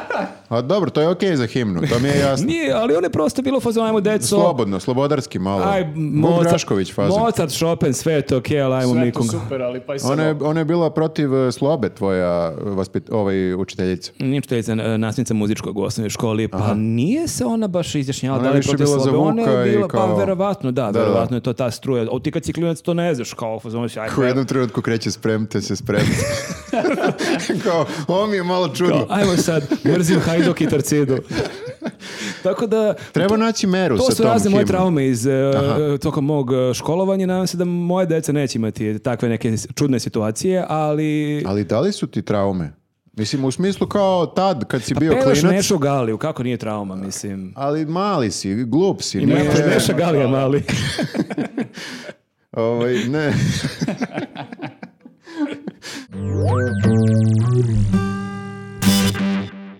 Jel, Viktore, prelazimo na neku laganu temu. Da, la- lagana tema zbog koje ćemo sigurno zažaliti. Možda Već ju- možemo da već ju- ukinemo, možemo da ukinemo komentare na ovo. Da, to će sigurno pomoći situaciji, da. Kao, sad ćemo da promovišemo slobodu ugovora, razmenu mišljenja, kultura, dijaloga. Ne možete da komentarišete ovaj video. A tema je, Biće komentara. bit će komentara, a, sigurno, nego ulazimo sad u vrlo nepoznatu i klimavu teritoriju, a to je e, Crna Gora. Pri tome ne, ne pričamo O putevima. I... O putevima, da. Nego e, Crna Gora i ustoličenje e, novog patrijarha. Nije, nije, nije patrijarh. Već sam, već sam, da, već sam pokazao Već komentari koliko... kakav debil. Da, da. Ja stvarno nemam ništa protiv takvih komentara jer ja jesam za ovu temu potpuni bolid. Mhm. Ali neću da ispadne da kao sad mi izbegavamo tu temu. Nema predaje što kaže ovi na protestu u Novom Sadu. Nema povlačenja. Ne- Predaje nije opcija. Dobro, to je sad možda malo prejako, ali... Ali ćaskamo nešto. Časkamo nešto o vrlo zapaljivoj temi. I bukvalno Ne, zapaljivoj. ne se isključi, bukvalo sad piše. ne želi da ja učestvuje sa u im nemam ovom. veze. Proveravam nešto samo za temu. Dobro, znači e, ustoličenje novog e, mitropolita Mhm. koje se desilo uz e, jako velike mere e, bezbednosti i e, koje se desilo uz neke nerede i neki potpuni haos na Cetinju, Mhm. koliko, sam, koliko sam shvatio, koliko sam ispratio. Koliko sam ispratio, postoje dve strane. Ono, Crna Gora za početnike, by Viktor. Da, a i ja sam sam e, početnik u tome. Mislim, Pa meni se čini razlog- da postoje barem tri strane. Mislim da postoji neka strana koja je malo između, koja nije toliko radikalna ni u jednoj ni u drugoj. Jesmo to mi? Uh, pa nismo u Crnoj... Ali ti si živio u Crnoj Gori par meseci. Možda si ti mogao da budeš predstavnik te Crne Gore? Živeo sam, ali tad nije, niko nije pominjao, e, svi smo pričali na norveškom, držao sam časove na norveškom. Niko nije pominjao ovaj mitropolit. E,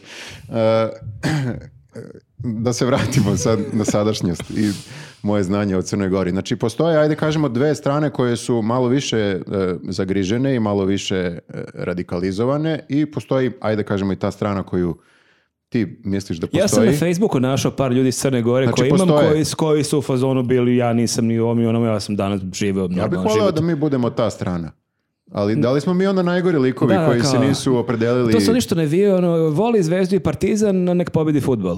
Jeste da vole lepu igru. Jedna strana to su ovi luzeri, to je Milo Đukanović. Mhm. Oni su izgubili sad vlast posle, 120 godina. da. I propo im je sada pokušaj da spreče ustoličenje. Da. I oni, jesu oni jaki? U smislu kao, jel ih ima? A, dele da ih još uvek ima, ali da nisu ni blizu toliko jaki koliko su mislili neki da jesu. Čak neki brojni analitičari koji pišu o ovim dešavanjima na Cetinju kažu da je bilo baš iznenađujuće malo ljudi koji su tu izašli da podrže Milo u toj njegovoj ideji. Znači, samo je izgledalo na TV-u onako da ih ima dosta i da... Ja nisam bio tamo, ali koliko sam vidio po komentarima, to nije bila ne znam kakva brojka. Dobro, iz, iz druge strane, drugi pol, to su ovi naši. Tako je, brate. To, mislim, to kao Srbi. jel? Da. Srbi koji su pobedili u Crnoj Gori, koliko ja kapiram. I sad kao Srbi o- određuju šta će se Ovo raditi je u Crnoj jedini Gori. prilog ćemo navući obe strane da nam psuju sve po spisku, jednu i drugu stranu. Ali ja nemam ništa protiv toga. Ja sam u fazonu neka, neka obe strane pljuju, eh, ali se nadam da ćemo do kraja ovog našeg razgovora eh, nekako uspeti da jednoj i drugoj strani pokažemo da mi nemamo neke zle namere, kako bih rekao. Kažem mi, ne mislim na ako- Srbe. Ako naš podcast nego- uspe da pomeri dve strane u Crnoj Gori, dobit ćemo Nobelovu nagradu za mir, A verovatno. Pa zašto ne bismo probali? Šta je najgore Ajde. što može se desiti? Vidjet ćemo u komentarima. Ima dosta, da. dakle, šta si još Viktor Ima dosta naučio? toga mi pada na pamet. Šta si još naučio Viktor u Crnoj Gori? Da, e, dolazimo do teme koja mene interesuje, a to je upravo ovo da li mi kao neka struja koja nema pojma ni o čemu i m, ajde Ili kažem- zna vrlo malo, ajde, ili zna znamo vrlo nešto. malo, nije- da li mi smemo da pričamo o tome na neki šaljiv način? I da li smemo da pričamo o tome, a da se ne svrstavamo? I da li mi kao Srbi možemo da ne podržavamo 100% a priori sve što Srbi u Crnoj Gori urade. Da li možemo kažemo ovo, to, to, to je okej, ovo nam nije okej, kao i ova druga strana, to i to nije okej, ali možda je nešto, da li ti moraš da 100% izabereš stranu, a da li mi samim tim kao Srbi moramo da, kako pišu ljudi u komentarima, moramo da podržimo našu braću, slepo, šta god da se desi. Pa ti kad imaš neke e, utakmice, da se vratimo na analogiju sporta, ti navijaš za svoju reprezentaciju, to je logično. Ali da Navijaš li je- ili, ali si svestan da je neki igrač baš da nije na mestu. Stoga si svestan, ti i dalje navijaš da pobedi taj tim, ali si svestan da ovi baš pravi gluposti. A ne znam I da ti li je- vidiš te gluposti. Nije baš dobra I ti Nije kome- dobra analogija sa Nije, sportom, pa jer čim- tu postoje neka pravila u sportu. To je, I ja to je mislim da je tačno. to ovaj, n- glavno kod, kod sporta, što postoje pravila i ne možeš da ga uporediš sa ovim, gde, gde vlada neka potpuno... Bukvalno si ti krenuo da praviš analogiju sa sportom. Jesam, izvinjavam se, evo povlačim, neću više pričati o, o sportu u ovom podcastu. Ali zato u Crnoj Gori, šta znam, još manje. Da, ajde, ajde da se vratim na Crnu Goru. Da li, da li mi, kao neko ko se bavi ovom e, komedijom i e, e, sm- smiješnim stvarima, da li smemo da pričamo uopšte e, na neki način koji je, ajde da kažemo onako lagan, jeli, o temi koja je teška. Pa mislim da smemo, ja stvarno onako u teoriji mislim da, to smo i kod Galeba Ali već pričali. smo upali u problem. Upali smo u Davno. problem, jeste, upali smo u problem, ali ja dalje mislim da je problem bio što to nismo radili na najbolji način. Mi bismo upali u problem da smo to, taj prilog, a što- a, kontekst, e, znači pre, sad će tačno godinu dana od tog, e, od prve epizode 24 minuta u prošloj, se, u pretprošloj sezoni do duše, gde smo imali prilog o padu Mila Đukanovića, gde je ispalo iz tog priloga da mi pod A podržavamo Mila, pod B da se sprdamo na račun ove druge strane.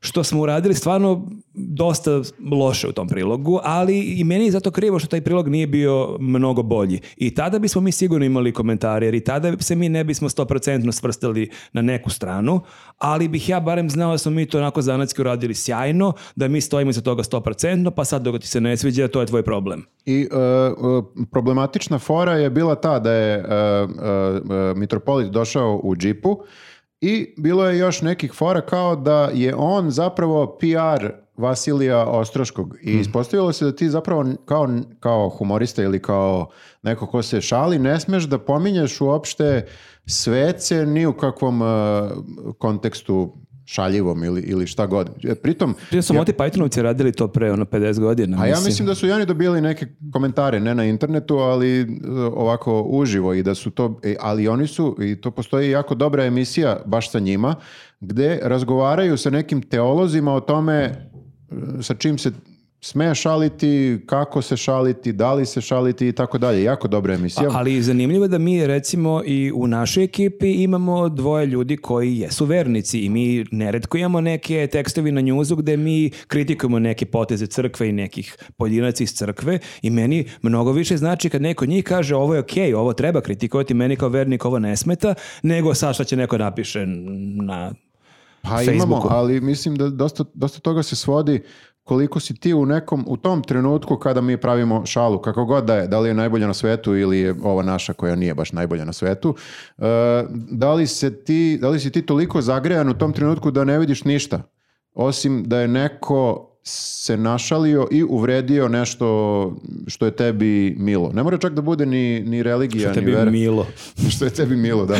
ne mora čak da bude ni, ni vera, ni religija, nego bukvalno bilo šta, može da bude i sportski klub, ima, i toga ima, kao našalili smo se sto puta na račun Zvezde ili Partizana i uvek se jave ljudi koji se uvrede i to je nekako kao i taj- normalno. i to je komentar, s, s nekim stvarima se ne treba šaliti. I To je zapravo ključno pitanje. Da li se s nekim stvarima ne treba šaliti? A mo- možda i... Ma, mislim, meni je u suštini e, to kad kažu ovo nije za šalu ili šta god, mislim, o tome možemo da polemišemo, ali ne smeš da pretiš nikome, ne smeš da zoveš nikoga na privatan broj kao što su radili ovaj, nakon te emisije, ne smeš da uznemiravaš ljude, to su stvari koje, ono, me- mislim, ne samo da da su ono kao e, ružne i loše, nego upadaš čak i u, u ono domen e, krivično gonjenja, mislim, kako bih rekao, kad neko preti bilo na internetu, bilo gde, to je, znaš, krivično delo.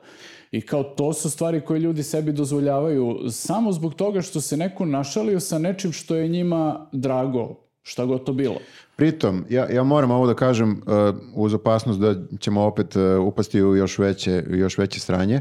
Ovaj, uh, ja mislim, po svim nekim stvarima o kojima sam uh, čuo o, o Am- Amfilohiju, da je on čovjek imao smisao za humor i da se on sam, siguran sam, uh, nije uvredio, ni ne bi uvredio na, na takvu neku foru, nego se našla gomilja ljudi koje će u njegovo ime da, se, da, da bude uvređena. Mene to nervira kad se ti kao vređaš, a da ni sama e, osoba koju smo pomenuli niš, ništa se nije izjasnila da li se uvredila ili nije i kao malo daješ sebi preveliku slobodu da se kao vređaš u ime i amfilohija i, i koga god. Ono, tako da taj deo mi je isto bio, ali vjerovatno si tad u tolikoj nekoj vatri i ne razmišljaš uopšte kao ni, ni kakva je fora, ni samo si se Da, mislim da je uvredio to i potpuno samo... nebitno Pa kako to je fora. podeljen uh, d- u društvu u tom trenutku, ti si za ili protiv i sad očekuješ da će svi iz Srbije da te 100% podrža, a pritom ti već možda ako si neki nacionalista, ti već možda percipiraš i nas i Kesiće kao neko kako oni kažu drugosrbijance, autošoviniste, ne znam kakve i onda čak i tražiš onako naznak od toga, aha evo ovo n- nije rekao što je trebalo da kaže. U, u svakom slučaju, da ne ispadne da se pravdamo sada, e, ja samo volim da pričam o ovoj temi jer mi je zanimljiva tema humora na ovu ili na onu stranu, dokle su granice i tako to. O tome mogu da pričam uvek i o tome kao koja fora je dobra i, ili nije, iako ti me malo ubijaš foru, taj, taj deo ne volim. Kad, kad Dobro da previše ovo je analiziraš. teoretisanje humoru, ne znam, ja zaista negde mislim da u teoriji ne postoji tema o kojoj ne smeš da se šališ, ali ja negde mislim da kada se baviš nekim osjetljivim temama da moraš da imaš mnogo bolju foru nego što imaš sad da praviš fore o studentima, o penzionerima, o ne znam kome. Ako se zezaš na račun nekih stvari koje rade vernici, koje rade na račun ne znam kojih grupa, da mislim da treba da imaš mnogo bolju foru jer ti time, ako je ta fora toliko dobra, ako ti nasmeš te ljude, samim tim i oni postaju saučesnici u toj fori. Oni su ti dali legitimitet na taj način. I zato je meni krivo što te fore koje smo imali stvarno su baš prosečne, nisu one ne znam kako loše, ali ovi došli u džip, ovi PR. Izašljarili smo pa, ih, dobro. izašljarili smo. Bili su bez veze, što ne znači da smo imali najbolje fora na svetu, da ne bismo imali isto toliko komentara. Mislim, bili, imali bismo verovatno, ali bih barem ja rekao, ok, ali ovaj- ovaj deo smo pokidali. I e, sad tu, e, ajde da dođemo možda do, do poente, zašto uopšte pričamo o ovome, vraćamo se sad na sadašnji trenutak gde je podela još veća nego pre godinu dana, i još jače su, ono, kao, kako se to kaže, uzavrele strasti, šta ja znam. Ja bih iskreno voleo kada bi i jedna i druga strana Pritom opet moramo da kažemo da nismo za Mila Đukanovića. To je, ne To je znam da- nevjerojatno, meni je to najluđe od svega bilo što smo bukvalno bili optuživani kao... I, i, izvini, e, nakon što se sve to desilo, nakon što smo optuženi, bla, bla, bla, mi smo za Mila, izdajnici, ne znam nija šta, meni iskoči na YouTube-u naš prilog opet, gde nekoliko meseci pre toga pljujemo Mila Đukanovića kao vrlo onako Znaš, oštro, ono komentari, jasno. ono, pao Milo Njuzovci na aparatima, kao wow. I sad, i, sad, I sad kad bi, e, da, delovalo je, tad se nismo oglašavali jer tad bi stvarno delovalo kao neko pravdanje. I bili smo u fazonu, dobro, ko je skapirao, skapirao je, ko nije, nema pomoći. Ne bi ni volio sad da bude pravdanje, nego sam u fazonu, toliko je vremena prošlo, pa kao možemo pričamo o ovome na neki normalan način. I, ha, sad će ponovo da krene, misliš. Pročitajte komentare kad smo kod normalnog. Pročitat ću, možda i odgovorim na neki. Ma, ajde. naravno, naravno. Ali e, voleo bih sad da se nekako desi čudom e, komedije i humora da i jedna i druga strana, pa i ova treća u sredini koja nema pojma šta se dešava, da nekako manje ozbiljno shvate sve. Ja znam da je to jako teško pošto to jeste s- sad sve ozbiljne e, teme i ozbiljne stvari, ali ako malo razmislimo, ako je neko kao poznat po humoru i po komediji i po, to su cr- crnogorci, bilo da su kao Srbi crnogorci ili crnogorci crnogorci, to je, meni je neshvatljivo da ne mogu nekako da spuste, da smire strasti, samo da pogledaju sebe malo manje ozbiljno. Meni je jako teško ako bih i morao da biram strano, ali to ja ne volim tu ideju e, kao da je to rat i da ti moraš da biraš neku Mhm. stranu. Pritom, ok, mi nismo u Crnoj Gori, mi ne moramo, ali kao ta ideja ti moraš da 100% nekog podržiš, meni se ovdje ne sviđa zato što ja stvarno znam neke divne ljude iz Crne Mhm. Gore, stvarno imam neke drugare, pa i prijatelje mogu da kažem, i znam neke divne ljude koji su jako, koji su osjećaju kao veći Srbi od mene, koji su jako, jako podržavaju tu struju, opet znam neke ljude koji Da, su znamo i jednu i veliki, drugu koji su stranu, veliki zapravo. crnogorci, koji zaista s mnogo strasti pričaju o tome i koji su išli na Cetinje, tako da mi negde i, i ne mogu, jer kao oni su divni ljudi jedni i drugi i jedni i drugi su jako duhoviti, meni jako dragi, tako da ja i ne želim da ja kao sad stajem po svaku cenu na nečiju stranu, ali stvarno bih jako volio kao neko ko voli Crnu Goru i Srbi iz Crne Gore i Crnogorci iz Crne Gore, da nekako to bude malo opuštenije tamo, da te tenzije malo splasnu, da samim tim možemo se i mi svi šalimo s tim i sa jednima i sa drugima i sa trećima i da prosto ta situacija ne bude takva kakva je bila sad. Da, meni u jednom trenutku, nakon što je se sve to e, kao izdešavalo pre, pre godinu dana, e, u jednom trenutku sam pomislio, bože, kao koliko puta sam bio u Crnoj Gori i uvek mi je bilo mm, super, uvek kad si u Crnoj Gori si sa nekim e, strava ljudima, dobra je ekipa, nekako je... Oni su i- stvarno carevi, znaš, ne, Da. ne, ne volim te stereotipa, cr- crnogorci stvarno su carevi, i, Srbi, crnogori, crnogorci. I, i, I sad razmišljam kao, čekaj, je li ja sad, ako se pojavim u Crnoj Gori, jel moram da razmišljam kao, će neko nešto da mi... Na što sam ja razmišljao? Da ja mi sam razmišljao zameri. kako sam ja opušteno vozio Zagrebom s beogradskim tablicama i nisam nikad pomislio na neki problem. Ja sad stvarno ne znam da bih smeo da idem beogradskim tablicama kroz Cetinje. Pa to, ali da, Je li nešto... to onda u meni problem ili stvarno takva situacija da bih ja možda mogao da A zateknem? kao nije, nije najsigurnije ni u, ni u Hrvatskoj, ni sad odjednom nije sigurno ni u Crnoj Gori i sad morat ćemo u Grčku na more. Zamisli da treba da bacam veće To je pa... poenta svega ovoga, da ne želimo u Grčku na da more. bacam WC papir u ono... Sredite to dole. stvarno. Da, kao ako bi mogli malo spustimo strasti da kao ne moramo, ne moramo na Imaš halkidiki. Albaniju za, za letovanje, taman. Da, vidiš kao i naj, najsigurnija Pa Albanija. daj sad zamisli koja bi to bio absurd ako bi mogao da opušteni možda ideš kolima s beogradskom registracijom kroz Albaniju, a nego kroz Hrvatsku ili Crnu Goru. U svakom slučaju, ostavite u komentarima šta mislite o ovoj našoj priči i probat ćemo da odgovorimo stvarno na neki komentar koji nije ono, ma, kako beše oni komentari, Splačino, splačino, jebim ti splačino. mater i tako to. Meni inače, moram da kažem, ta uvreda splačino, mislim, to je velika crnogorska uvreda, meni je sad reč jako smešna. Jeste, da. Mislim, sad opet zvuči da se mogu Ja da sam i uvredim mislio da crnogorce. je to kao uvreda koja bi trebala da bude duhovita. Mm, Mislim da je to njima baš onako, da si baš najveće govno od čoveka, da si splačina. Mislim da jer suviše su mnogo oni puta kor- komentarisali Kesića da je splačina, da bi to bilo neki gotivan Da, da, nije komentar. to samo ono Ali kao ta trend. zvučnost to plč, splč, splačina, tako nekako Zato zvuči što onako blesavo. Zvuči kao ono što jeste. Da, da, ali nekako gotivno zvuči, to ću da kažem. Ne zvuči nešto kao kažeš... Zvuči o- smešno. Znaš, kažeš, To ono, je, jebem da. ti mater, kao okej, a Da. kao splačino, baš zvuči onako kao... I to mi je malo, izvini e, e, što ti, što ti upadam, samo zaboravit ću posle. To mi je malo, e, bilo je gomila tih uvreda, pretnji i tako to. Ja se uvek nadam da će biti nešto duhovito. kao u tim uvredama i pretnjama i mimovima i ne znam nija šta i baš s- nekako redko šta je bilo duhovito. Volim, volim kada kao neko ti odgovara na nešto što si ti napravio, a trebalo bi da bude komedija, volio bi da i to bude kao da se potrude da Ali bude su komen- komedija. odgovor su komedije na, na prvu loptu. To plaća NATO, plaća Soros. Pa to znaš, nije kao, smešno. to, to je baš kao da. Da, i- da. Voleo bi i ovdje, ako neko ima neku uvredu, da barem bude nekako... Gotivna Da se uvreda. nasmejemo. Da. Pa ako napišu splačino, neće nas smijeti. to je sigurno, da. Cijela vas plačino bi bilo onako simpatično. Dobro. Izvini, Skočio nešto na sam te e, prekinuo Pa bio. dobro, da, zanimljivo je to kako u stvari ovaj, u različitim nekim narodima postoje te neke psovke. Očekivao bi da je psovka kao koja je najveća neka uvreda, nešto baš gadno. Ali recimo, ovaj, pored Crnogoraca, jedino što mi pada na pamet su Meksikanci koji isto imaju e, uvredu koja je kao strašna uvreda, ali zapravo nama je potpuno benigno zvuči kabron, magarac.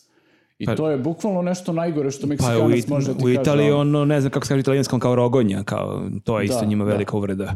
Tako da, ovaj, da, očigledno je sad to ima neku Znači svoju ti kažeš da su tradiciju. zapravo crnogorci kao meksikanci, to ćeš da kažeš. Već vidim komentar. Evropski Meksikanci. Pa, Ali nismo rekli da li Srbi, Crnogorci ili Crno... Znaš, kao... Da, ko- da. Svi. Da, kao- E, pa možda... nije rekao, ja sam Možda je rekao. to način e, za pomirenje. Da sve uvredimo. Ako se oni ujedine... Protiv nas u podcastu. Protiv nas. Nas Ja Srbe sam ili nas spreman. trojice? Mhm. Nas ovdje trojice. Mislim, a može i m, protiv grafe i, i vlade, iako nisu tu, evo, ja Ali da, kapiram da nemaju ništa protiv. Da, da. Tako da, ovaj, da iskoristimo priliku što nisu tu, da pozovemo ljude da i njih pljuju. Da njih vređajte u komentarima, nemojte nas trojice. Ja bih završio, ako ćemo da završimo ovu temu, uh, isto onako kako smo počeli, a to je samo sa tom mišlju da mi uh, n- nemamo lo- loše namere ni prema jednoj, ni prema drugoj, ni prema trećoj strani, ponajviše zato što ne znamo dosta o ovoj Pa temi. da, to nije, mislim, mi kada komentarišemo Srbiju i dešavanju u Srbiji, to je nešto što se direktno tiče naših života. Ovo nije nešto što se direktno tiče naših života. Tako, tako da bih završio sa ali ja tim da moram, smo... ali ja moram da dodam kao e, da u svom ovom ludilu koje se dešavalo, mada su e, i mediji malo to pumpali, meni se čini da smo mi iz Beograda mislili da je situacija mnogo strašnije luđe nego ljudi koji su tamo bili stvarno. Nekako mi se delo, delovalo mi da je ovde stvarno takva situacija kao da svakog momenta će da izbije građanski rat. Pa Meni čekaj, stvarno- bile, bile su neke barikade. pa ili su barikade bile, pa dobro, ali na derbiju ti imaš i ono, lete cigle i suzavac, znači nije to nešto se nikad nigde nije desilo. Bile su barikade, ali baš kod tih barikada meni je stvarno bilo jako smešno to što su oni celo cetinje blokirali e, sve puteve i što se mitropoliti patrirek što su ih preleteli helikopterom. Mislim, to je baš onako, baš, baš jaka fora. I čekaj sad na kraju, kad, kada to čuješ, da li stvarno možeš da se suzdržiš i da kažeš da mitropolit nije došao u džipu? Pa nije došao džip, došao je helikopteru. Pa to ti kažem. Ali jaka je fora, jaka je fora, džip ne mogu da prođe. Mislim, je ta reakcija bila kao, wow, pa nema ovoga sad, kako sad ovo nije okej, mislim, Ovo kao... nismo dogovorili. ono. Da ne ispadne da smo na e, strani Mila Đukanovića sada jer završavamo sa ovakvom e, forom. Pa ja baš kažem da je, ovo je baš obrnuto, ja baš kažem da je super fora kako su ih zajebali. Jeste, ali znam da će biti u komentarima e, sad opet kao zezate ove A, što sad niz- vam smeta helikopter. To ja mislim, Ne, ne, ja me kažem, meni je super taj helikopter, dobro je, fo- mislim, dobro se setili, stvarno. ali moram da kažem, ja verujem da će jednog dana i, i Milo morati da napušta zemlju u helikopteru. Jako.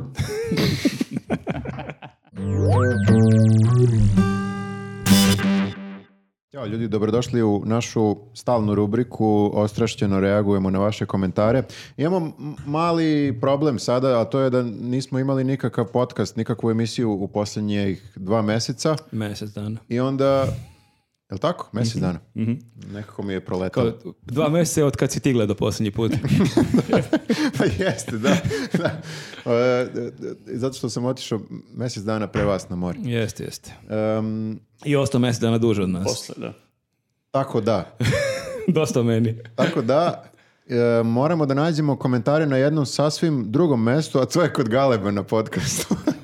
Opet mi kod Galeba. Opet mi kod Galeba. Ali to je okej, pošto da, Nekako smo povezani sa njim sve Ali vreme. da, Galeb je rekao i nama i više puta je govorio javno da on ne čita komentare, Tako da mi ćemo sad pročitati ove komentare kod Galeba i ostrašćeno reagovati na njih. Čak ćemo pročitati i ove gale- e, komentare na Galebov račun. Ja sam Tako samo da sva- Galeb treba sad, ako gleda ovaj podcast, da prestane da ne bi čuo ove komentare koje izbegava. Ali e, mislim da su komentari kod Galeba najbesmisleniji, odnosno 50% komentara je najbesmislenije i- jer on to ne čita, a 50% komentara je o tome koga bi Galeb mogao dovede u sljedeću epizodu neku. Ali, ali, e, mislim, besmisleno je zato što on ne čita te predloge. Pa to, to. Zato ti kao k- imaš neku želju, ali to pišeš, a znaš da to on neće nikad pročitati, tako da koliko god imaš genijalnu ideju, džabeti. Pročitat ćemo mi. Koga da pozove u goste. Biće od najdosadniji prilog ikada. Čitamo kao telefonski imenik. Evo ovako. Kreće, evo, evo, krećemo odmah od toga. E, super podcast. Predlog za goste. Ovo je kod Galeba. E, Dunja Jovanić, Dušan Petrović. To su drugari Sare i O. U, pa dobra preporuka. Pa pazi, i mi smo Saroju upoznali, tako da i mi smo na neki način onda drugari. Zvaćemo, Pa, vi je, ste zva- bili, da. zvaćemo je u podcast. E, a ne, ovo je za Galeba. Zvaćemo kao Galebu podcast njene drugare. Dunja Jovanić, Pa kako nju da pozovemo? Ono, nemam njen broj. preko- preko Instagram. A, da. E, To smo rešili. Rešeno, idemo, Idemo dalje. dalje. Napokon, sranje podcast. To je komentar na naš podcast o- kod Galeba. I sramotno je što Galeb nije igrao NBA Jam. To kaže Dušan Žduni, Ždunjić. Zdunjić. Mm, Zdunić. Pa Čudno je, ne, ne postoji to prezime. Dobro, nema veze. Napokon sranje podcasta. Ovo zvuči kao da se on obradovao. Da, što da, on je sranje gledao podcasta. 90 Galebovih podcasta u nadi da će naići na sranje podcast i, Ajde, više čekam ovo 90 i epizoda. kao je konačno da ništa ne valja. Dušane, zašto toliko ne voliš Galeba da navijaš za njegovu propast? Da, bukvalno baš treba nekako da mnogo da mrziš. Pa zato što nije igrao NBA Jam. Ako nešto mrzi, to su ljudi koji nisu igrali NBA Jam. E, slušaj sad, evo je uvreda na, na tvoj račun. Bar, bar ne volim? Klijada kaže, ovaj ćelavi isti komša iz Familio B kanala. Nemaš pojma o čemu se radi, E, ja jel? sam Da, bukvalno morao da nisam googlam, da, gledao, da. ja znam, tek sam posle kapirao da vi znate. Pa dobro, da, po tim filterom ima nekih sličnosti. Možda i ja kad bi se još Možda nije iskrenuo. mislio na filter, možda je mislio na pristojnost. Komša je jako pristojan. Aha, e, Da, da, da, da, komša je onako kao... Ima spojene obrve. Čekaj, komša ono što je Mada Marko nema pobeg od spojeno. policije jer je ima neku presudu. Ne, ne, ne. To je, komša je onaj koji je građanska porodica i on uvek ima, ima sina, Jean-Pierre-a. Ne, ne, taj što je pobegao, on glumi sve likove. Ok, to neće nisu sad tri različita mozak, lika. neće sad mozak da eksplodira, ali dobro. I sva tri lika su ćelava. Moram baš da mu se objašnjava. E, Pa svi ćelavi ljude e, su s- lične na neki Pa to, način. to je tačno, I da. svi su nesrećni ti, na svoje. on, ti zapravo ličiš i na Brapo. Pa da, Da, da, ličiš i na... možda Da. čak i više. Jeste, Dobro, jeste. ajde mi sad reci neko koga znam. Brapica. Brapica. E, pozdrav za familiju B, ako gleda ovo. Kogod. A on ne može gleda, on iz I nek nam dođe u podcast. A da, ne može. On da, on ne smije da dođe u zemlju. E, Pa to- ja kažem, to je taj što je na poternici. a, na Da, on njega misli misliš. Na, da, on misli na ovog koji glumi sve likove. Jest, Zato to je sam taj, rekao da- ličiš na njega. Super. Valjda neće da me uhapse na ulici Nisi ako toliko. oduševljen baš. Da, da, ako me vidi na ulici kao evo ga ovaj. E, slušaj, ovo je sad za, e, komentar upućen e, Galebu, jedan od mnogih, ali ajde, pročitat ću samo jedan ovaj. Što mi sad čitamo komentare upućene Galebu? Pa zato što nemamo drugi. Maja Hadži Jordanova kaže, mislim da je kulturno kad pozoveš nekog u goste, ostaviš njega da priča više o tebe. Ne zoveš goste da pokažeš koliko si bolje informisan od njih u zagradi, ne samo u Ko je ovoj- bre bolje informisan od nas, bre? Ko Galeb? Ovo je u stvari Galeb, me zajebavaš. nas je uvredila na Ma, kraju. ajde, važi, Stvarno, ono. da, stvarno. Ja nisam bio, ali sam uvređen ko da sam bio. Bukvalno, znači... Ne, o- ovo za Galeba stalno dobija ove komentare i evo mi odgovaramo u I zato njegovo ih i ime. ne čita. Ja bih poludeo svaki podcast mi nego kaže ajde pusti malo gosta da priča. To smo rekli tamo. U podcastu je normalno da voditelj, da to nije novinar koji postavlja On pitanje. čak da on, nije ni, da, mislim, To je razgovor, to je kao, takva je forma, to nije da kao on nekog intervjuiše, tako da je normalno da on priča, samo je Misliš pitanje, da se radi o tome ili su ovi ljudi koji ovo pišu rasisti? možda ima i toga. Kao ne želimo da samo crnac priča bilo šta. Da, da, pa moguće da je to, da si na tragu. Zaboravite ovaj komentar. Idemo dalje. E, kaže ovako. E, i aha, nije, nije on voditelj, on je galeb. viš kao ptica je. Ne, nego ovo kaže kao nije normalno da voditelj priča. On je galeb u svom podcastu. Super branite Galeba, ajde nastavite slobodno. E, pozdrav za Galeba još jednom. Kesić se isto prodao, kaže Dekor Serb. Kao i Galeb. Pored koga? Ne, ne, ne, kao mi. Isto, kao mi. isto prodao i cela ekipa oko njega, to smo mi, e, kome je Institut za otvoreno društvo Soroš dao nagradu za satiru. Pa nije nam Soroš dao nagradu. Ne, Nije, baš nije. nije. Znali bismo. Da, čak, nam, čak nam ni pare nisu dali, ono, čak su nas odbili jedan put pre nekoliko kaže- godina. To baš boli, kao tebe godinama prozivaju da radiš za Soroša i kao ti ne dobiješ od njega ništa, čak ti odbi jedan projekat. Tako kako gospodin Soroš ovo gleda, I, e, kaže, i zbog toga Kesić nikad ne napravi šalu na račun zapadnih lidera, nego uvijek protiv antizapadni, ne pravi šale na račun primjer Albanaca e, i tako dalje i tako dalje. Pink laže glupe, N1 i Kesić umišljene, smešno je takvo je dizati u nebese, svako od njih radi za pare da gu- gura određenu priču. čovjek je sve razotkrio. Da, mislim da ovaj, možemo sad da mu otkrijemo jednu veliku tajnu. Svi rade za pare. Ali da li imaš neku agendu, Nenade? Agendu? Da, Da, dobijem pare. kao... s- s- e, e, nije- Agenda mi je da dobijem Nije rekao pare. agendu, izvini. Smešno je takve dizati u nebesa. Svako od njih radi za pare da gura određenu priču. A, kao agendu. Jel imaš, Aha. guraš određenu... Je, pa ja ne znam, mislim, stvarno bi bilo super kad bi ljudi malo prisustovali eh, pripremi naše emisije, da vide kako biramo teme i kako ih obrađujemo. Meni je super ta fama oko gostiju, kao a, nije slučajno što je baš ovi, vidi se da njega neko gura, a mi ono bukvalno očajni sutra snimanje i čeki i znam beše, Ne, ne, nekog ali sam nekad najjače- vidio na N1, aj, I to, i kad kažu da nama ovaj, dovode bendove, da dođe neko i kaže nam ko će da nas svira u emisiji, kao da mi nemamo ništa s tim, kao ono, dolaze, dolaze, dolaze demo bendovi, bukvalno. Dovode, doveli su taj bend i Kesić je morao da ih sluša. Da. To, je, to, mi je bio jedan od omiljenih Jes, eh, jes, super, komentara. kao što ne dovedeš to i to je bend, ali znam je da ti, pos- ti se posljednji Tebi pitaš. dovode bendove. Da, da, pošto da Dobro, te dobro. bendove iz Big za koji sviraju pred 150 ljudi, neki od njih baš onako velike Baš sile imaju lobiraju. lobby jako, ono, iza Da, njih. mislim da Ja u ne Briselu znam. i Vašingtonu U se neku kažu. ruku, u neku ruku mi nekako malo imponuje da imam taj, neki taj oreol zaverenika, znaš, ja sad kao ra- imam neku agendu i radim protiv,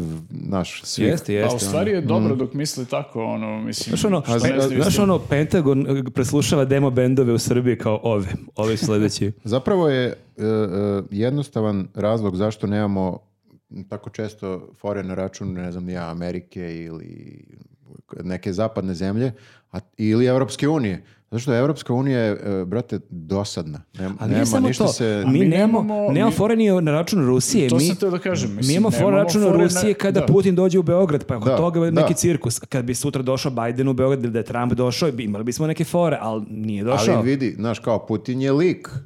E, kad dođe neki iz Evropske unije koji ne znam ni ko bi mogao dođi iz Da neki Evropske zaslanik Europske unije kao brate koga Mm, Da, briga. da bi neko bio predmet e, ono kao naše emisije mora da bude kao nešto kao upečatljiv lik na neki način da imaš sa čim Pa da, se neko zna zezaš, kako ono. izgleda za početak. Za Za početak tebi dođe i neki to. birokrat iz Europske unije kao je Naravno, sad napravi kao, foru. Šta kao da pričamo o njemu, mislim, to Tako bi bilo da eto, mi, dosadno i mi, meni i bismo, gledalcima. mi bismo voleli, ali jednostavno tu nema, nema materijala, moram da vam kažem. Evropska unija je baš Pa gomila birokrata Pa dosadnih. da, kao neka banka, ne znam. E, evo ovako, kao, ima li još nekog od nas sportskih tipova koji redovno ne mogu da se načude nivou Galebovog nepoznavanja sporta, kaže Fića Ludak. Uh, lud- Gde si Fića Pa Ludak? Dobro, ja sam stvarno bio frapiran kad je me pitao, baš me to zatekao kao šta radi selektor. E pa to i Fića pita isto, kao Galebe kuću redovno te gledam, ali šta radi selektor? Pa Dobro, to je pitanje. baš, Dobro, ali to je- potpuno genijalno, ali meni je super što sam ja bio s tobom kod Galeba, što kao jedina osoba koja je na nivou Galebovog nepoznavanja sporta si ti, i onda je to bilo baš sjajno. Ja sam razumeo Galebovo pitanje šta radi selektor, moram ti kažem. U Ja- smislu, nije mi bilo toliko frapantno, jer selektor je, jest, ima mali neki veo misterije oko sebe, jer neki put je u trenerci, a neki put je u odelu. A je, ranije su imali cigare stalno. Pa, ali One- kapiraš što ću ja ti sam kažem? volao te old school selektora 80-ih koji non stop ima pljugu. Ono. Ne, kao ti kad vidiš si- patnju na, na njegovom Kad si u pogledu. trenerci, jasno mi je šta radiš. a Kad si u odelu, onako.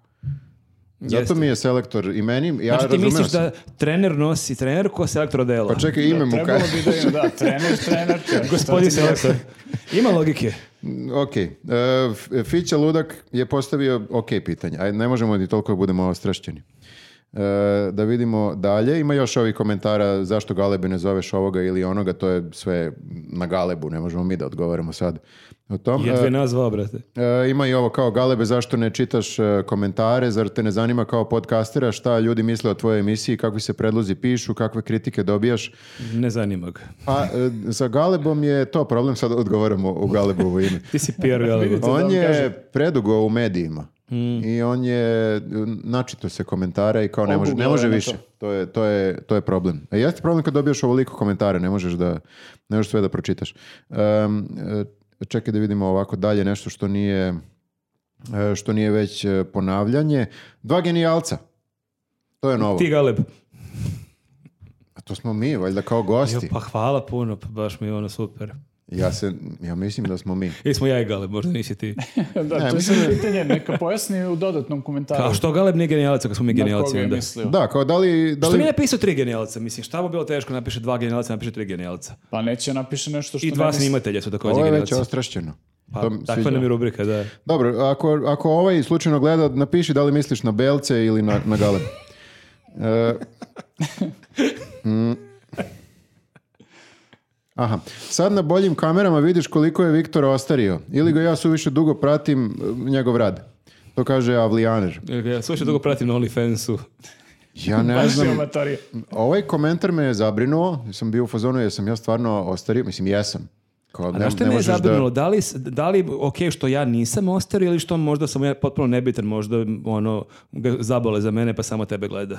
Mm, Da, ovaj komentar me je e, zabrinuo, ali već sljedeći komentar kaže Sjajni Viktor, Srp, srpski knauz, knauzgor. To ste To si ti Norvežani. ostavio posle. da, to sam ja. Kao, Pod pseudonimom Sljedeći komentar. E, a Klinte to sam a, Mestra video, on a a good posle u day. nastavku kaže da sam ja možda ok lik, ne, m, nemam pojma, jel tako? To je taj A, komentar. jeste, Dražić je možda ok, momak, ne znam. Galebe, samo napred. Ja mislim to nije, nije fair komentar zato što sam ja pročitao pet- Više- pet više delova. Knausgora od sam mene sigurno, ja sam samo jedan. Samo posljednji deo nisam pročitao, odmah sam kupio, ali sam pet knjiga pročitao i nisi pročitao, jednu si pročitao. E, jedan sam pročitao, ali na norveškom. To je kao dve na srpskom. Da, ajde, ajde tako da kažem. Ajde, računam. E, da vidimo dalje. E, ovo je pesma, čovjek je poslao pesmu. Jeste spremni za ovo? Valjda. Jean-Baptiste Grenouille kaže, ako mu je to pravo ime, slušam ovo na poslu dok šijem u nekoj fabrici u Crnoj Gori. U jedinoj fabrici u Crnoj Gori u kojoj se šije. Smijem se. Galebe divan si. Va- Ovo su sve stihovi. Vas dvojica ste rekreirali Kesića. On je prije vas bio baš BZV. E, ove stvari rade tbok, evo deci, ovo sad već više nije pesma, ovo je sad, o, u početku je Mhm, bila pesma.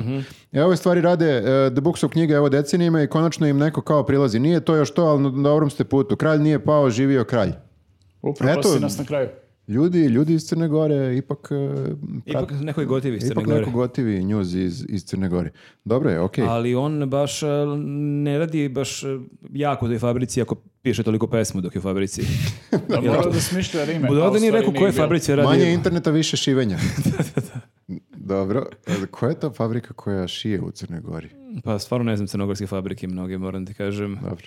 Provjerit ćemo ovo, pa ćemo... n- Ali Čini mi počinje- se da ni- nisam siguran koliko je iskren. Počinje kao dobar hejku. Da. E- Možda kucamo na Google E, jedina ja crnogorska sjećam kad smo kod fabrika koja pesama, šije. pošto i ta pesma nema rime. Sjećate kad je kod nas, kod Kesića u emisiji, kad nas je Kesić bila Radmila Petrović i pročitala je pesmu i tu su opet krenuli ludački komentari da spominje nešto Kosovo u jednom stihu, Ljudi ali, ne vole pesnike. ali su bili sjajni komentari što ljudi mrtvi ozbiljni pišu da to nije poezija jer nema rime. Ako je nema rime onda je proza, onda je priča, Da, to nije to je- pesma. Jeste, jeste, to je Ako, da. baš bilo ovaj, simpatično. Poezija je čorba. Pa Zna se, prvi, drugi stih ili prvi, Da. treći se rimuju. Kak, šta je to ovo? je to. Prvi i treći i drugi i četvrti, to je Jeste. najbolje, ti, ta pesma tad. Tak ide, tak ide. Mhm. Ti zaboraviš onu reč i onda se setiš kao wow, pa to se rimuje sad. To je redko ko ume u današnje vreme. E, Milica To je kaže, veština koja izumire. e, Milica kaže, pozovi Strahinju Ćalovića, bilo bi stvarno interesantno. Mhm, I- Mm, Bilo bi. Šalimo se, veliki pozdrav Strahimir e, Ćelovića. Kaže u komentaru neko ultra dosadan lik. Ma nije bre ultra dosadan lik, super je lik. Mi E- smo s njim radili još dok niko nije znao, dok se to još nije smelo. Mi smo znali da je Aci informacija, profil Aci informacija, Strahinja Ćalović još 2012. Ih, aj da. Kaže, niko ovaj nije čovjek isti, kaže, lik je energetski vampir. Pa pazi, nisam ga vidio godinama, sad ne znam šta Ovo ovaj, je je... i dobro. Dobio je ono decu, možda ga je to iscedilo, ne znam, Treba, ali... treba, Galip treba da zove Strahinju jer on stvarno je napravio sa svim čega se dotakne čovjek je napravio neku zanimljivu priču. Čak je i od svoje dece uspio da napravi nešto zanimljivo. Da, da, To je- stvarno. Da, to je uspeh Njegov veliki. deca već onda i privređuju kroz te... Već imaju podcast. Deca Kroz te zarađuju vidi- više nego mi. Da. I to je vrlo moguće. E, dobro, E, znači AC informacija treba da dođe. Ovako kaže dalje, samo da vidimo, samo da nađem nešto zanimljivo. Tri sata konstantnog osmeha na licu i bol mišića lica, kaže Aleksa Nizić. Ne preterujemo, nije bilo baš toliko dobro. Tri sata je trajalo. Jeste. Više. Ali nije bilo, dro- nije, nije, nije bilo smešno tri sata. Konstantno je bilo Imali smešno. smo deo kada smo uzbiljali, možda njemu to baš bilo smešno. Ja sam plakao od Možda smeha. neki ludak. Možda je mislio sam mi zezamo kad pričamo na ozbiljno. E, a misliš da je Možda je- sarkastičan? Možda je gledao naduvan. Sad smo i to je istljuvali dobro. čovjek. Pa je ostrašćeno reagujemo, šta sad? E, Bojan Brankov kaže, imam istu majicu kao Viktor i pozdrav za, za Bojana i možete da kupite njuz majice A koje možda niko ima, od nas možda nema ima istu danas. majicu i kao i ti ovo, možda, je- možda imate sve majice iste. Nemoguće da neko ima crnu majicu. Možete prati po gradu i gledaš šta kupuješ i onda kupuje on. E, podsjećamo samo ljudi da kupe njuz majice i dalje ih ima u prodaji. Neverovatno nismo sve prodali. Mhm. I ako vam nešto treba u septembru i oktobru, to su majice na kratke rukave. Znaš šta sam provalio? Majice se nose u svakom godišnjem dobu. Da, ako imaš duks, možda ga raskopčiš i da se pokaže majica. Čak i u septembru i bolje, jer ako ti se ne sviđa majica, preko nje nosiš duks. A i, dalje si kupio. I manje se znojiš, pa ti onda i lepša majica kad je na tebi. Tako da da, kupite njuz majice. Sad će da krene ta Stavit ćemo prodaja u još opis, više. šta ćemo u opis, stavit ćemo u opis videa ovaj link. E, e, e, e, aha, Alex Walker kaže Zašto Englezi voze desnom stranom? Ima neke veze sa zastavom Velike Britanije, sa belim dijagonalama, krst je crven. Nema, nema. e, Neko bi jasnije bolje u drugom komentaru. E, I sad da m, samo kažemo ljudima koji nisu gledali Galebov podcast, ako takvih ima, e, zašto ovaj čovjek piše uopšte o tome. Mi smo se u tom potak- po- podcastu dotakli baš mnogih tema. Da, izgleda. Previše tema. Čak jedna- smo pričali o njuzu u nekom trenutku.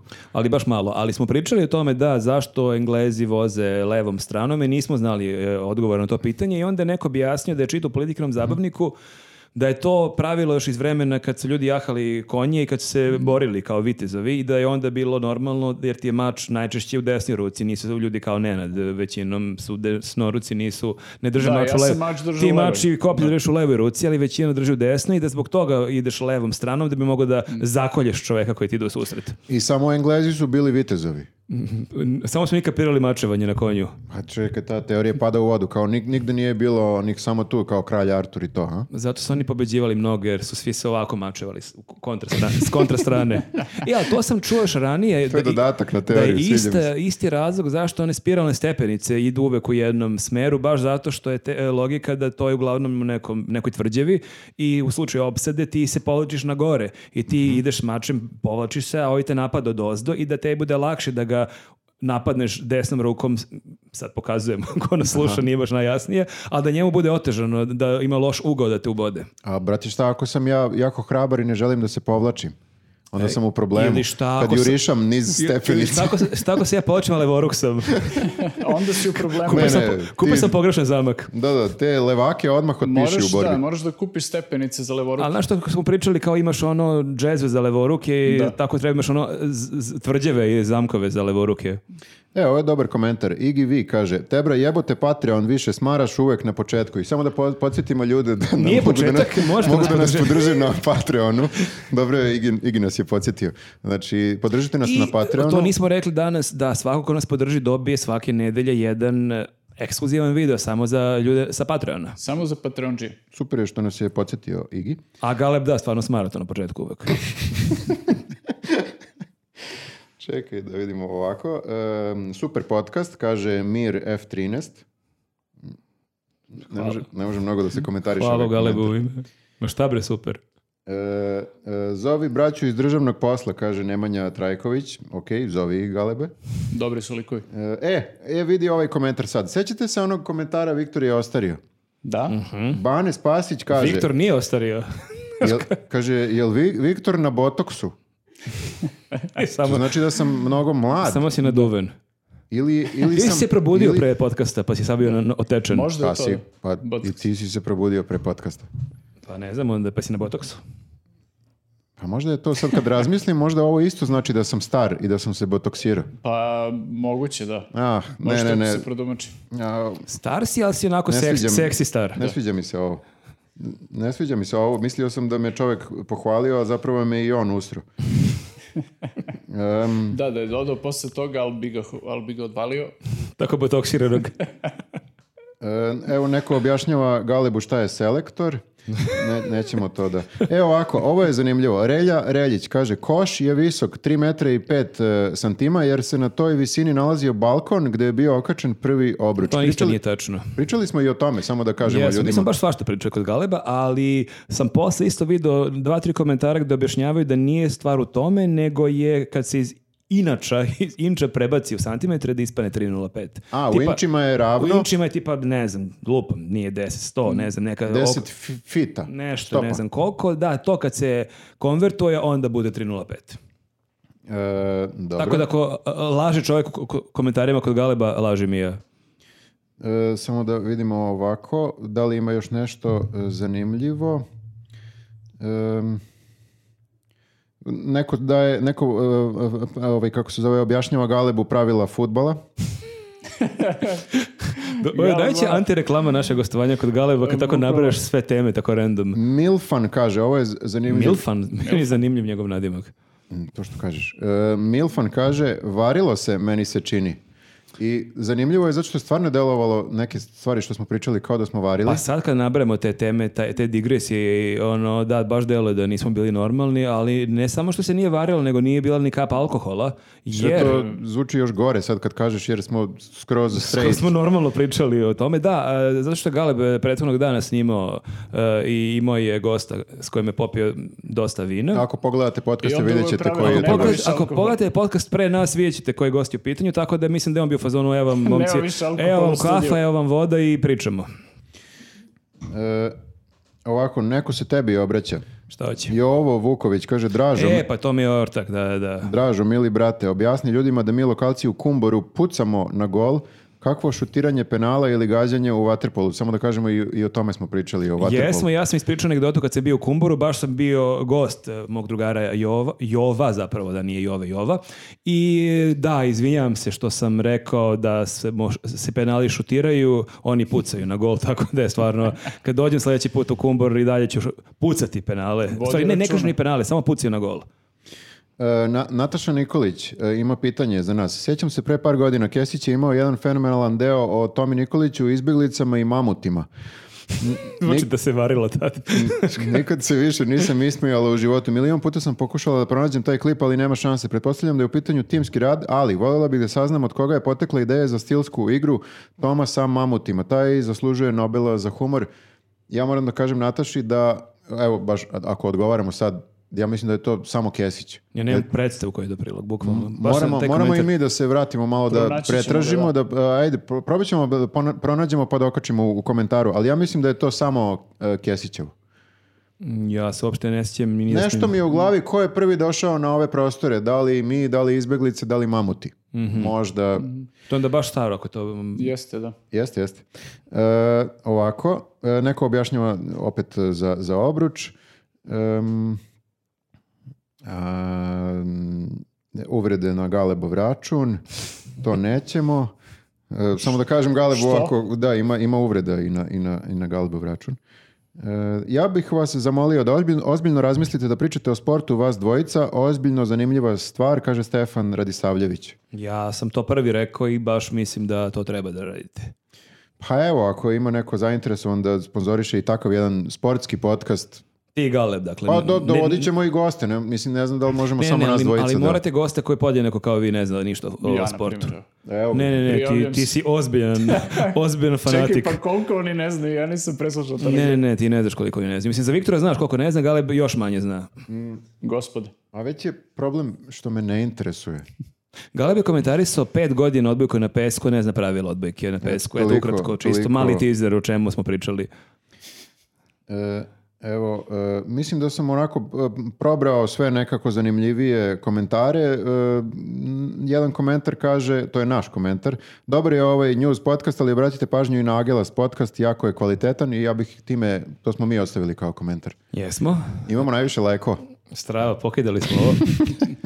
Da, e, da pozovemo ljude da slušaju e, Agilast Da slušaju Agilast i da slušaju podcaste generalno. Mislim da je to, scena se polako sve više i više širi i globalno i kod nas. Mislim, globalno to već traje godinama, ali kod nas mislim da ima sve više podcasta i stvarno mislim da ima zanimljivih stvari da može se probere svašta nešto. Pa i sam pokazatelj da scena raste i da se nešto razvija jeste to što imamo da opet podsjetimo našeg prvog sponzora, to je Vozi App, aplikacija koju možete skinuti u e, linku ispod, ispod ovog videa, ispod svih videa i koja vam nudi pomoć, e, pomoć na putu ukoliko vam se nešto desi. A dok čekate pomoć na putu, možete neki podcast da slušate. Ej, znaš šta još možeš da radiš dok čekaš e, pod, podcast, ovaj, dok čekaš podcast, Podcast na putu. dok čekaš pomoć na putu, to smo zaboravili da kažemo za vozi, vozi app, a jako je zanimljiva stvar, a to je da možeš da gledaš kako prilazi e, šleper. Pa I on se kao izgubi, znaš. možeš i da gledaš ako se izgubi. Ne, levo, ne, ovde. Ne, šleper uglavnom zna gde si ti, pošto i ti si isto tu obeležen s- e, svojim mobilnim telefonom. Kao kad naručiš hranu, pa pratiš ovog dostavljača. Da, da, ali njih ćemo da reklamiramo tek kad daju pare. Ko- koga? Da, ovaj ove Dostavljača? dostavljače hrane. Ali ovo je isto kao dostavljač, samo dolazi da ti odšlepa auto. Ne, nebitno. Uglavnom, samo sam to teo da pomenem, e, eto, kao neka zanimljivost kod ove, kod ove aplikacije. Kao on je u stvari odstavljač. E, ok.